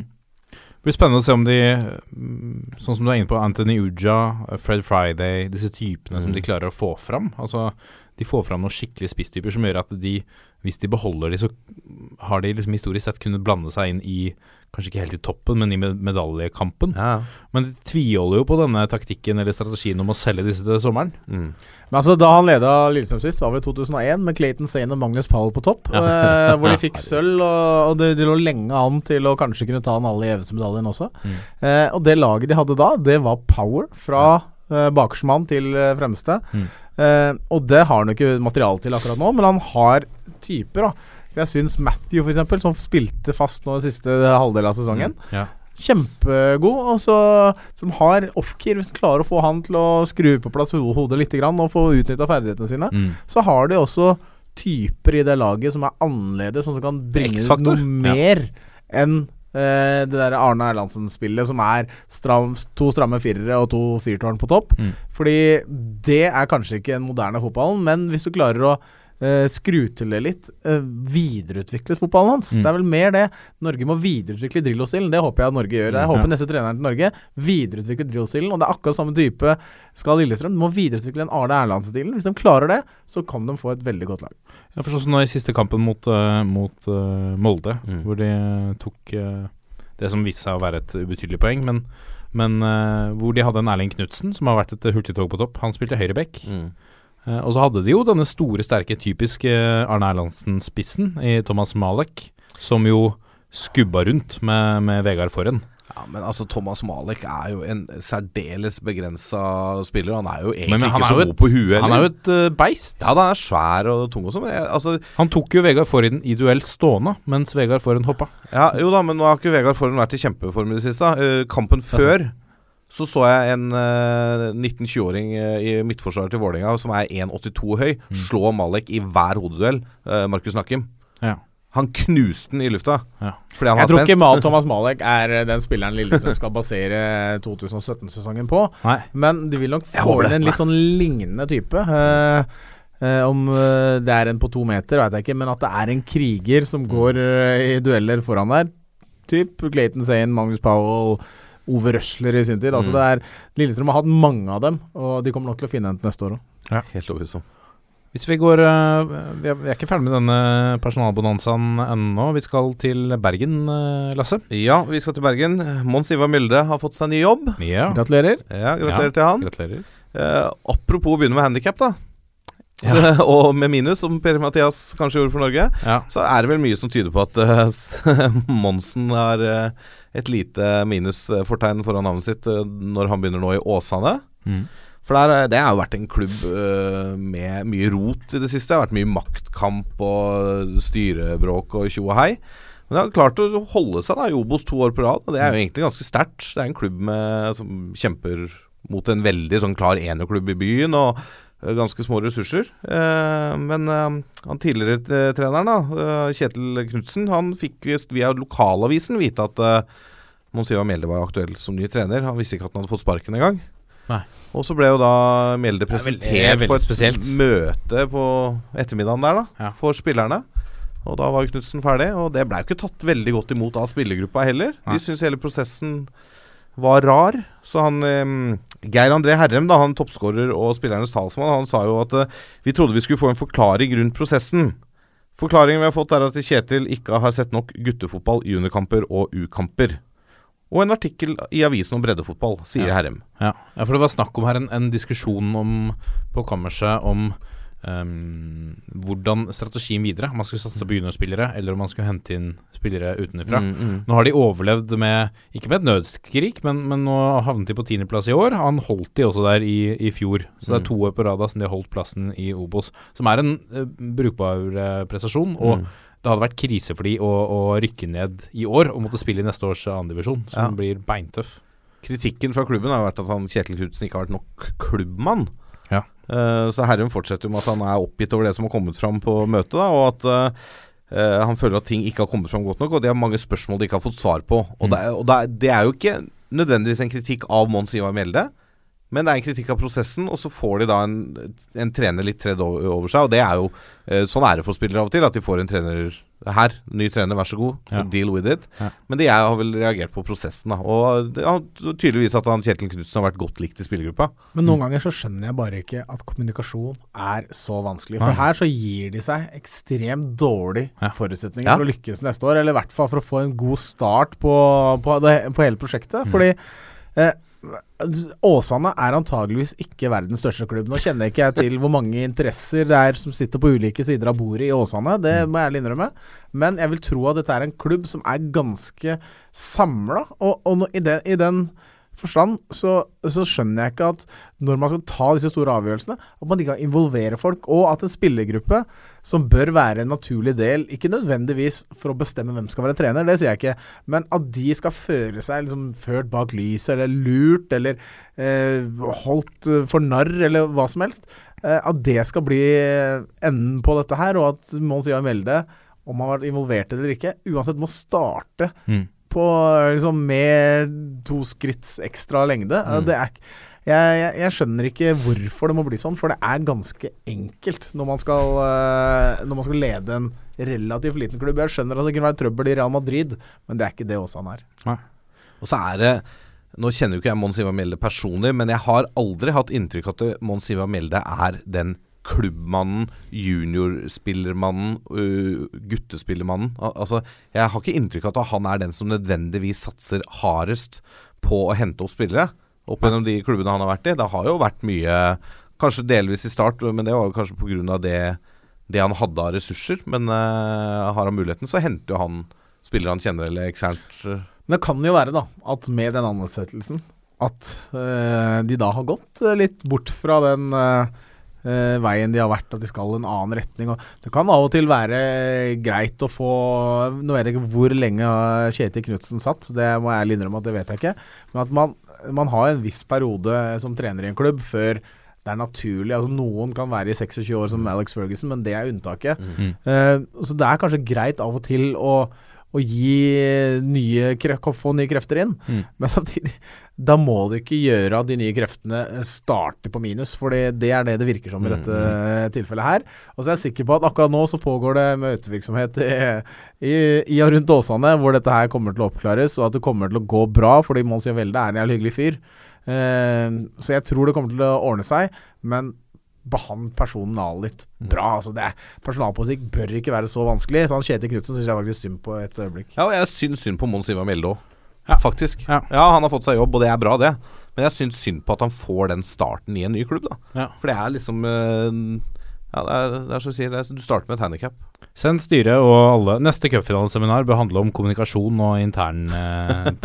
Ja, det- Altså, det var både de to foredragsholderne der, Ronny Deila og, og Erik Hamren, var inne på det. Tydelig kommunikasjon, vær tydelig. Altså Tydelighet står øverst på en av disse eh, plansjene til, eh, Mm. til eh, Ronny Deila, og det er Altså, er du det, så kan folk godta det meste. Mm. Bare de får vite ganske tydelig hva som kreves av deg, og hvordan ståa er, så godtar man det aller meste. Mm. Men så lenge man føler at man har blitt lurt, så Ja, i hvert fall ikke involvert i prosessen. Altså Hadde de spurt spillerne om hva tenker dere, og da kunne de sagt at vi tok, vi tok Vi hørte på Eller vi har hørt hva dere syns, og så har vi valgt å gå en annen vei, men takk for innspillet. Mm. Så har man liksom hatt en sjanse, men her er det bare, som du sier, da, det blir tredd nedover Mm. på de. Men eh, ja, det blir spennende å se hvordan Mjelde gjør det i Åsane neste år. Ja. Um, Han holdt jo Fredrikstad, men det var vel nødskrik. Altså det Det var det. Det var ikke Det var nødvendigvis imponerende, eh, men eh, Fredrikstad sliter jo Det er en historie for seg selv, men de må vel ha inn en trener der òg, eller har det blitt Nei, jeg lurer på om de må ha inn, ha inn en der òg, ja. Ja. Eh, helt til slutt i pulsen. Vi har uh, 40 uh, 46 og et Nei, 45 og et halvt minutt. Er det det vi skal spille i, eh, i Grimstad? Jerv eh, Den eh, avbrutte kampen mellom Jerv og Mjøndalen. Det stemmer. Ja. Takk, Lasse. Nei, vi skal ikke spille 45 15 minutt. Vi skal spille andre omgang. Har Ja, jeg fått vite etter å ha eh, spurt på Twitter tidligere i dag. Mest sannsynlig mer enn 45,5, for det blir ja, lagt til tid der. Men eh, det blir jo ekstremt gøy, da. På lø lørdag klokka tolv. Ja. På Levermyr stadion. Antakeligvis uh, litt slitent gress eh, etter uh, forrige opplevelsen her. Ja. Men uh, det, altså, det blir uh, morsomt. Hvordan angriper man noe sånt? Ligger under 1-0 Mjøndalen? Hva skal de gjøre? De må spille med de samme spillerne de slutta med, eventuelt gjøre noen bytter uh, i pausen der. Ja, for det, har- det har vi jo snakka om. Ja. Altså, det har vært landslagspause, og det har vært treninger. Noen av de elleve som slutta den forrige kampen, kan jo ha dratt på seg en skade. Ja. Da må du gjøre bytte før uh, omgangen starter, og da bruker du opp det ene byttet ditt. Jeg leste eh, Vegard Hansen sa tre spillere var usikre. Erik Midtgarden husker ikke farta hvem de to andre var. Nei. Men det var tre spillere som hadde vært litt småsjuke og litt uh, ute Men han trodde alle tre kommer til å bli uh, klare. Men jeg tenker jo, det har jo Hvis du må gjøre alle tre byttene da Mm. før du begynner kampen igjen, da har du 45 minutter fotball. Du skal spille en kamp som er halvparten så lang som det du vanligvis gjør. Ja. Det tempoet og den innsatsen som bør ligge til grunn i den kampen der, Ja. Altså den omgangen der, det må jo bli helt sinnssykt. Ja. For det, altså, du har ikke 45 minutter i beina fra første omgang. Du har hatt to uker med trening for å prikke formen inn mot 10-45 minuttene. Det her, håper jeg, det her gleder jeg meg ordentlig til, kjenner jeg. Jeg ser for Blir at en det blir sånn fotballfest? Ja, Ja, det bør bli det. Jeg ser for meg at det blir sånn kamp som for ti år siden i Championship, altså divisjonen under Premier League, hvor det bare Det er så mye innsats som går langt over eh, kvaliteten og evnene. Så det blir bare sånn pff, pff, over hele banen. Og Glenn Andersen som står der, og Christian Gauseth. Jeg garanterer at de to kommer til å krangle og være i tottene på hverandre. Ja, og kommer til å få hvert sitt gule kort. øh, Nå vet jeg ikke om noen av de fikk det første gang, for det drar de med seg. Men nå er det meldt møkkavær, da. I Det Grimstad. er perfekt. på- Da blir det et uh, det blir gjørmekalas nytt, igjen. øh, gjørmekalas. øh, Og de har jo reservearena på Sør Arena, så jeg lurer på Hvis de da spiller Nei, det håper jeg ikke. Blir Spiller det da blir det 20 helt annen kamp igjen. Det er fine teppet der nede. Ja, ja, det passer jo Bjørndalen. Men altså, det, hvis det da kommer 20 minutter ut i kampen, da, så er det bare Nei, nå går det ikke an å spille her lenger. Så de tar, Setter dem spillere på buss og kjører rett til Sør Arena. nei, men da tar de 20 minutter uka etter. ja. Men jeg må jo si da, den, den kampen eh, skulle antageligvis ikke vært starta når man ser resultatet, men de første ti minuttene av kvarteret så gikk det jo an til viss Mm. grad å spille fotball der. Ja. Og det kvarteret var Jerv klart best. Ja. Uh, så hvis det er styrkeforholdet, så blir jo dette en eh, tøff kamp for Mjøndalen. Men når det er disse 45 minuttene igjen, så er det andre ting som gjelder. Ja, og så er det sånn, Den burde blåst av kampen etter det kvarteret, for da kunne du kanskje spilt hele kampen på nytt. da Mm. eh, Eller begynt å fått 75 minutter istedenfor litt bedre matte litt seinere. Ja, det kunne vært 2-0 òg, så bomma på straffe. Altså det er, på straffe. Det, var nesten, det tror jeg er forholdelsens skyld, at han skjøt over der. Han sklei jo. Ja, det kan godt være. Litt sånn Beckham en gang. Ja, jeg ja. husker- Men hvem tror dere er mest fornøyd med dette, da? At eh, altså, Begge lag skulle kanskje ønske at det ble spilt ferdig kamp sist, men er Nei. det best å Nei. Mjøndalen er klart mest fornøyd når Ja. du ser hvordan de uttalte seg etter kampen, hvordan de sutra under kampen. Mm. Glenn Andersen var inne på det. At uh, Han står jo og tøffer seg, selvfølgelig. Det, er, det må han gjøre. Mm. Nei, vi var ingen av våre som uh, klagde over forholdene. Det var bare Mjøndalen-spillerne og Gauseth. Men det var ikke fotball der. som ble spilt. Nei, det var det jo ikke. Men altså, okay, det, sånn er det da. Vi bor i Norge, Mm. uh, og det var dårlig vær, liksom. Men jeg er helt enig at kampen måtte avbrytes. Men eh, ikke sant, du ser jo Bjøndal-spillerne som sitter i garderoben der og har, er blåfrossen og spiser suppe og eh, har ikke følelse i beina, sånn påstår de. Mm. Det var litt mer sånn Det virka litt mer sutrete fra, fra Mjøndalens side. Og jeg tror, eh, jeg tror Jerv hadde vunnet om de hadde fullført kampen, fordi Mm. de virka rett og slett mer forberedt på situasjonen, da. Og jeg, jeg merker allerede Jeg har sett masse intervjuer med Jeg følger da altså også på Snapchat og jeg, på Mjøndalen, og jeg har sett intervjuer med de etterpå, og de klarer ikke å slutte å nevne Glenn Andersen og greiene der. Mm. Så jeg tror at altså, de er i en posisjon hvor de, de prater så mye.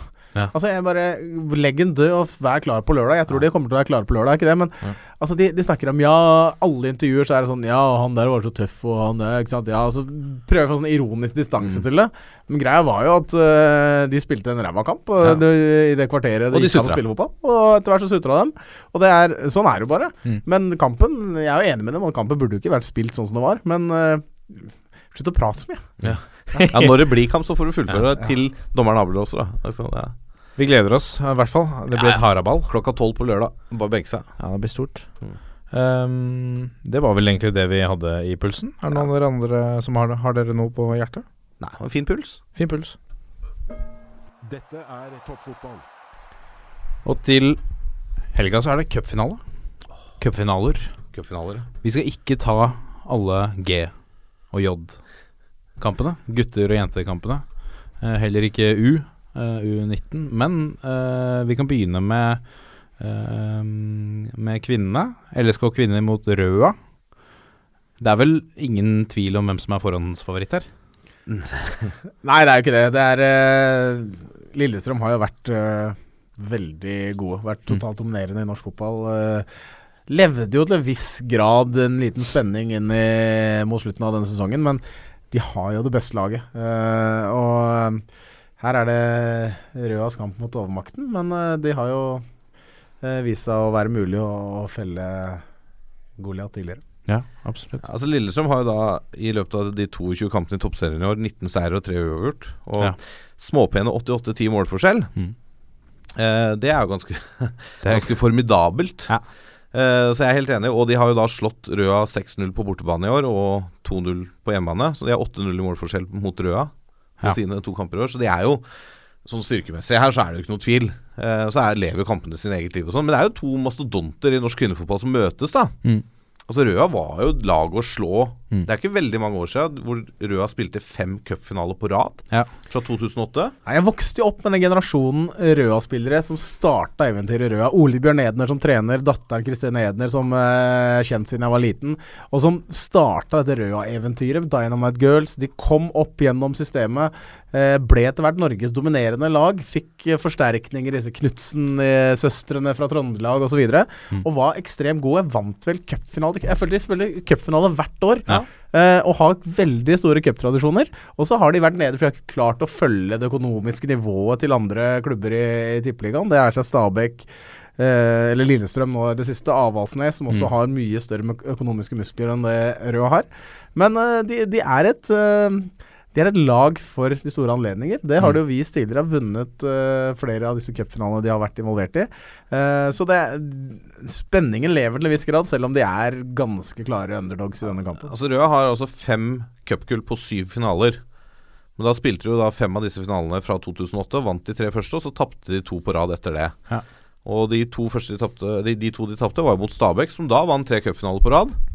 Og nå er jo Lillestrøm muligheten til å vinne sin tredje cupfinale på rad. For Ja. de tok over da etter Stabæk eh, sin eh, Så det går litt sånn Det er et lag som skiller seg ut i noen år her, virker det som i kvinnefotballen. Og så er det jo noe med dette Lillestrøm-laget som Hvis du ser spillematerialet der, Mhm. så er det jo de beste spillerne i Norge. Ja, ja. Isabel Herlovsen på topp, Emilie Håvi på venstre kant, og så har du Lene Mykjeland da som sier hun skal legge opp, eh, men som har, har hun skrevet under for Paris Saint-Germain, eller skal hun? Tenk deg skulle vel ned for å se på forholdene, tror Ja, jeg. tenk deg Du skal egentlig legge opp, og så er du aktuell for Paris Saint-Germain. Ja, da tar du gjerne et år ekstra. Ja, du gjør- altså. det bør eh, du. Og jeg unner jo henne å avslutte med stil. Hun er bare 29, Lene Mykjåland. Hun kan spille flere år til. Eh, Det er noen klokker som tikker, kanskje. da, vet du Ja, ok.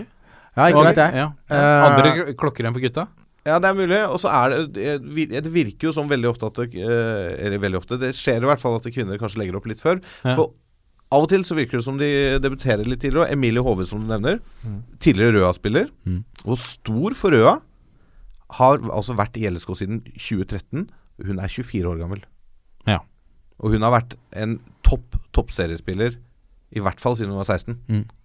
Altså i Ja, for det syns jeg er litt gøy at vi ser, vi ser eh, unge spillere i større grad i, i toppserien, føler jeg, som kan dominere på som tenåringer. 16-17-18 altså, år. Jeg vil Isabel. Herlovsen, hun er 28. Ja. 30 mål på 21 kamper Ja. i år. Mm. Uh, og, og hun har da starta, starta 20 av de. Hun har da på sine siste 33 kamper i toppserien, da inkludert fjoråret, så har hun 49 mål. Mm. Hun er 28 år. Hun er jo ikke veldig gammel, Nei. men hun også er, føler jeg har hørt om i 10-15 år, nesten. Nei. Det var faren hennes. Ja, jeg husker jo han. ja, men hun overgår jo han i prestasjoner. Ja da, ja da, er du gæren. Kan ikke sammenlignes. Nei, det kan ikke sammenlignes. Men det er jo Altså, Røa tok femteplass i toppserien, var 27 poeng bak. Eh, skåra da 34 mål, slapp inn 31. Ja. Herlovsen skåra aleine 30. Ja, sant. altså, det er, altså så Klarer du å stoppe Herlovsen og Håvi, så er mye gjort. Men de har jo noen andre på LSK-laget som bør få til noe Og når du ser veien til cupfinalen, Ja, så er det jo Altså Lillestrøm har lekt seg til den cupfinalen. De har hatt tøffe kamper, og borte mot Avaldsnes, borte mot Kolbotn. Mm. Og allikevel vunnet med ganske klare sifre. Uh, altså Trenger ikke å tenke på de to første kampene engang, som de hadde 30-0 til sammen. Men uh, uh, mens Røa har på en måte kriga seg gjennom runde etter runde. Mm. Eh, men, og det er litt sånn styrkeforholdet, antagelig. Det er når Lillestrøm får det til å flyte, så er de totalt overlegne, alle Mm. sine motstandere, også Røa. Eh, og så må Røa være gode på å klare å bryte opp akkurat det, det spillet der, og, og tørre å bringe litt av kampen over på Lillestrøms banehalvdel. For, eh, for Lene Mykjeland og Emilie Håvi og disse andre, de har landslagsspillere omtrent eh, for Norge og andre land da, i hver posisjon. Og får de liksom rulle opp angrep etter angrep, så vil de skåre mål etter hvert. Det blir spennende å se. Også, det går rykter om også at eh, satsingen på kvinnefotball skal avta litt i Lillestrøm.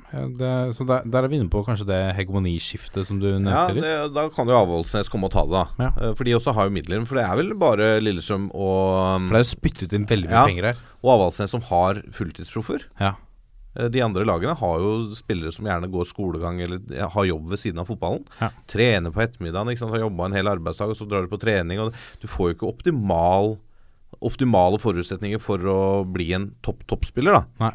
Og det er jo det også Monica Knutsen, treneren til Lillestrøm, er det ute og klagd litt på. Da, at uh, forutsetningene for både trenere og spillere i, i kvinnefotballen er annerledes og dårligere enn uh, det den burde ha vært sammenligna med norske uh, herrespillere. Så er det selvfølgelig et marked der ute som må kunne finansiere dette også. Men mm. Man skulle ønske at eh, Fordi Norge er jo i toppen i internasjonal fotball for eh, kvinner. At eh, det også genererte både større interesse og ikke minst mer økonomi, så at de kunne satse og bli enda bedre og komme seg helt opp nå i De har jo dabba litt grann i forhold til å være ledende og helt i toppen. For 15-20 år siden så er det nå kanskje litt grann eh, på etterskudd i forhold til Tyskland, Brasil og de aller største nasjonene. Spennende blir det i hvert fall. Vi, vi får håpe at det blir litt jevnere enn en, enn, eh, 6-0. enn 6-0, ja, Ja. som det var tidligere i år. Uh, på herresiden så møter jo Rosenborg uh, dette Kongsvinger-laget som har Uh, Som har imponert oss, vel, Ja. må vi si. Uh, vi hadde jo Louis Pimenta her i studio, som jeg har nevnt før. Som uh, også imponerte meg, i hvert fall, veldig. Og det er jo Mm. Du har jo et Rosenborg-lag her også som er storfavoritter. Ja. Eh, men allikevel så er det litt rart å tenke på, for jeg, jeg anser LSK som større favoritter over Røa enn Rosenborg er og Kongsvinger. Selv om faktisk mellom Kongsvinger og Rosenborg så er det divisjonsforskjell. Ja. Det er det jo ikke mellom LSK og Røa. Det var fire plasser, det. Mm. Så ja. Men uh, det Så Rosenborg spilte cupfinale i fjor mot et antatt svakere lag, og det var ikke tvil. Nei, nei. Altså, Sarpsborg 08 hang med i ti minutter, og så var det slutt. Eh, og jeg er stygt redd for at det kan bli det samme denne gangen her, selv om eh, selvfølgelig så drar Kongsvinger med seg masse selvtillit etter den eh, seieren i, i Drammen, og ikke minst at de har klart å komme seg til kvalifisering, komme gjennom første hinder, og har så mye å spille for denne denne høsten her. Jeg møtte masse Kongsvinger-folk på det seminaret i dag, og de er jo så gira, ikke sant. Det er, det er så mye positiv blest rundt uh, Kongsvinger der oppe nå, at jeg tror de Om de så skulle tape den cupfinalen, som mest sannsynlig kommer til å gjøre, Mm. så vil denne sesongen her bare trigge en enda større satsing i Kongsvinger. Ja. Jeg så på, på nettet på Det var Glåmdalen som meldte at det er, det er eh, i hvert fall 18 stykker som går nå fra Kongsvinger til Ullevål. Altså Fysisk går. Spaserer. Fots, ja. Riktig. Ja, til fots. God Blant annet eh, journalisten Bård Eng, som eh, skal gå etappen, men han, han kjører hjem eh, på kvelden etter hver etappe. Oh, ja. Og så kjører han tilbake til, Til stoppunktet. til eh, der han uh, slapp, Sover i egen seng, ja. og fortsetter å gå. Ja, Men han sover i egen seng, men han skal fullføre etappen. Ja, ja. ja men det er viktig å det er Hvor mange mil er dette? Har dere oversikt? Nei. Tar ikke en halvannen time å kjøre? Ja, sånn cirka. Så det er vel en eh, tolv, kanskje. Tolv? da. Ja. For det er jo det er ganske mye- gå, det. Ja, det er et stykke å gå. Ja. Kanskje det er 14 år. Jeg har ikke peiling, altså. Ålreit å sove i en egen seng, da. Ja, det er jo det. Greit å få hvilt ut og lade opp til dagen etterpå. Men det er jo altså Om Rosenborg er så påskrudd de skal være i en cupfinale, Mm. så er dette en enkel eh, Rosenborg-seier. Mm. Såpass ærlig må vi være. Og så er eh, Kongsvinger avhengig av å få spillet sitt og sitte. De må tørre å utfordre Rosenborg på Rosenborgs banehalvdel, sånn som de gjorde i Drammen. Og det kommer de til å gjøre. Kjenner Ja, jeg, jeg, jeg, rett, jeg håper det de for, for Kongsvingers del. eh, Men de er jo avhengig av at Adam Gyven Ja. har dagen. Og ikke minst en kanskje litt sånn unsung hero i det Kongsvinger-laget, Ørjan Røyrane Ja. på midtbanen der. Han er ekstremt viktig for det Kongsvinger-laget, både defensivt og offensivt. Og disse portugiserne Ja. og Martin Ellingsen, som har imponert oss veldig Mm. på sentral midtbane også. Som, så de har, de har gode spillere. Mm. Men jeg så de også mot, uh, mot Sandnes Ulf uh, i den kampen. De endte med å vinne 2-0. Men eh, hvor de fikk kontra inn et litt flaksete mål tidlig. Mm. Adegiven var jo stor i disse, disse avgjørende situasjonene. Mm. Men hvor de de sliter med å få, få til særlig spill borte mot uh, Sandnes Ulf. Mm. Og hvis de ikke klarer å skape mer for, uh, trøbbel for Rosenborg enn de gjorde for Sandnes Ulf i den kampen, så vil de få altfor mye sånn, At Rosenborg klarer å rulle i gang angrep etter angrep, sånn som vi har sett Rosenborg alle år, bare maler overlag. Ja. Hvis, hvis de klarer liksom bringe Rosenborg litt ut av fatning, få vekk den selvtilliten som de, som de spiller med til daglig, så, så har de en mulighet. Men de må klare å få i gang sitt eget spill for å, for å lykkes. Men de må jo bare dra de altså det, Jeg syns det er det må bare si, jeg synes det er altfor lite oppmerksomhet i norsk presse nå om at det er cupfinalehelg. Mm. Cupfinale er den norske store festdagen Mm. i, i norsk fotball. Men Eh, tror du ikke at Høgmo og disse tingene her har tatt Jo, jo, det har tatt masse oppmerksomhet, selvfølgelig. Det, det har det jo. Eh, og det er jo helt tullete å ha cupfinalen etter en sånn landslagspause uansett, men eh, det er en helt annen diskusjon. Ja. Men eh, for eh, alle spillere involvert, og Ja. alle som er involvert nå, men kanskje spesielt underdogen, da. Ja. Gå ut og nyt det. Ja. Sug til deg inntrykkene. Bare tenk å spille på et fullsatt Ullevål. Freddy, Mm. du har jo spilt cupfinaler, du. Du har vel eh, to av to, har du ikke det? Ja, eh, det er riktig. ja. Eh, første var jo da i 2002 mot Odd. Eh, antageligvis eh, vil jeg påstå selv, om jeg spilte, at det er den kjedeligste cupfinalen som har blitt spilt på Ullevål. For det var Altså, vi skåret etter fem minutter, og så skjedde det ikke mer. Bortsett fra Odd Boltoff hadde én redning, som var helt strålende mot slutten her, og redda kampen for oss. Og så var det i 2008 mot Stabæk, etter at de hadde blitt grusa 6-2 på bortebane uker eh, siste serierunde. Og så og så eh, kom den i cupfinalen hvor vi da vant 4-1, eh, hvor Daniel Landskog og co. hadde antageligvis vært litt for glad i to uker etter at de hadde feira gullet sitt. Men da Det er jo en, det er som du sier, en fantastisk opplevelse som samler en klubb. Eh, så det betyr mer enn bare den pokalen som står der. Det betyr mer enn at elleve spillere kan slå seg på brystet og si at de har vunnet en tittel. For det er, eh, det er en eh, enorm opplevelse for en fotballklubb. Samlende. Det gir guts, og det gir glød. Og eh, jeg misunner de gutta som skal ut på banen her og spille på søndag. Det er mye å glede seg til til helga. På lørdag så er det disse 45 minuttene med riv ruskende galskap i, på Sørlandet. Og så er det cupfinalen for kvinner, og på søndag så er det cupfinalen for menn. Klokken 13.15 på søndag der, altså. Som alltid. Er det en liten quiz da på slutten? Noen Ja. som vet hvorfor det er kampstart 13.15 og ikke 13.00? Det er vel fordi at det er det riktige tidspunktet for uh, Asiamarkedet å se kampen på. Er det Eh, nei, Nei, jeg vet det er ikke. ikke helt det. Det er jo, det er jo fra gammelt av. For det var da nyheter klokken 13. Som varte i 15 minutter. Nyheter på radio. Så skulle kampen begynne etter nyhetene var ferdig. Ja, riktig. Da det bare var én tilbyder av nyhets... eh, Det har de holdt på. Det liker sånt Ja, den tradisjonen har de holdt på. At det er 13.15 er det kampstart på cupfinalen. Ja. Det er vel greit å forholde seg for, for kongefamilien nå, da, vet du. Ja, det Kan Det det er tidlig høre nyhetene i bilen på veien, ikke sant? Hvem tror du kommer i år?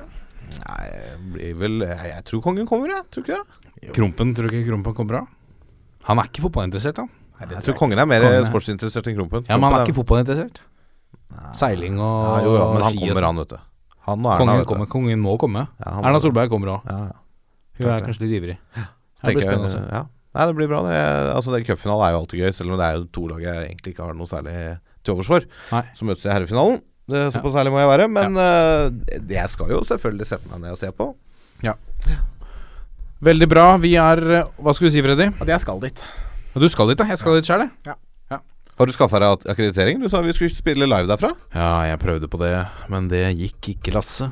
Men kanskje det går til neste år. Da Ja. er det jo første søndag i advent som spilles på. Men skal du jobbe? Nei, skal ikke jobbe. Skal bare nyte. Ja, riktig. Så det blir spennende. Da, da sier jeg som en eh, tidligere kollega av deg fra Bergen Takk for invitasjonen. Jo. Eh, de var ikke enkle, det å få tak i de Nei, nei, billettene. Takk til min far. Ja, ja. Eh, vi er Toppfotball på Facebook, Twitter og Instagram. Gå gjerne inn og rate oss på iTunes òg, så moser vi den ut på, på lufta. Tusen hjertelig takk til deg, eh, Freddy. Jo, det var bare hyggelig, du. Ja. Eh, Koselig å være her. Alt en Eh, glede. Ja, takk likeså. Det trives godt. Kos deg med god fotball i helga. Det skal jeg gjøre. Vi er, ses neste uke, vi, Lasse. Det Nei, jeg kan ikke humlesuppe, faktisk. Ok, Skal vi ta avtale etterpå? Eller Ja, greit. okay. Fint, det. Ha det! Ha det!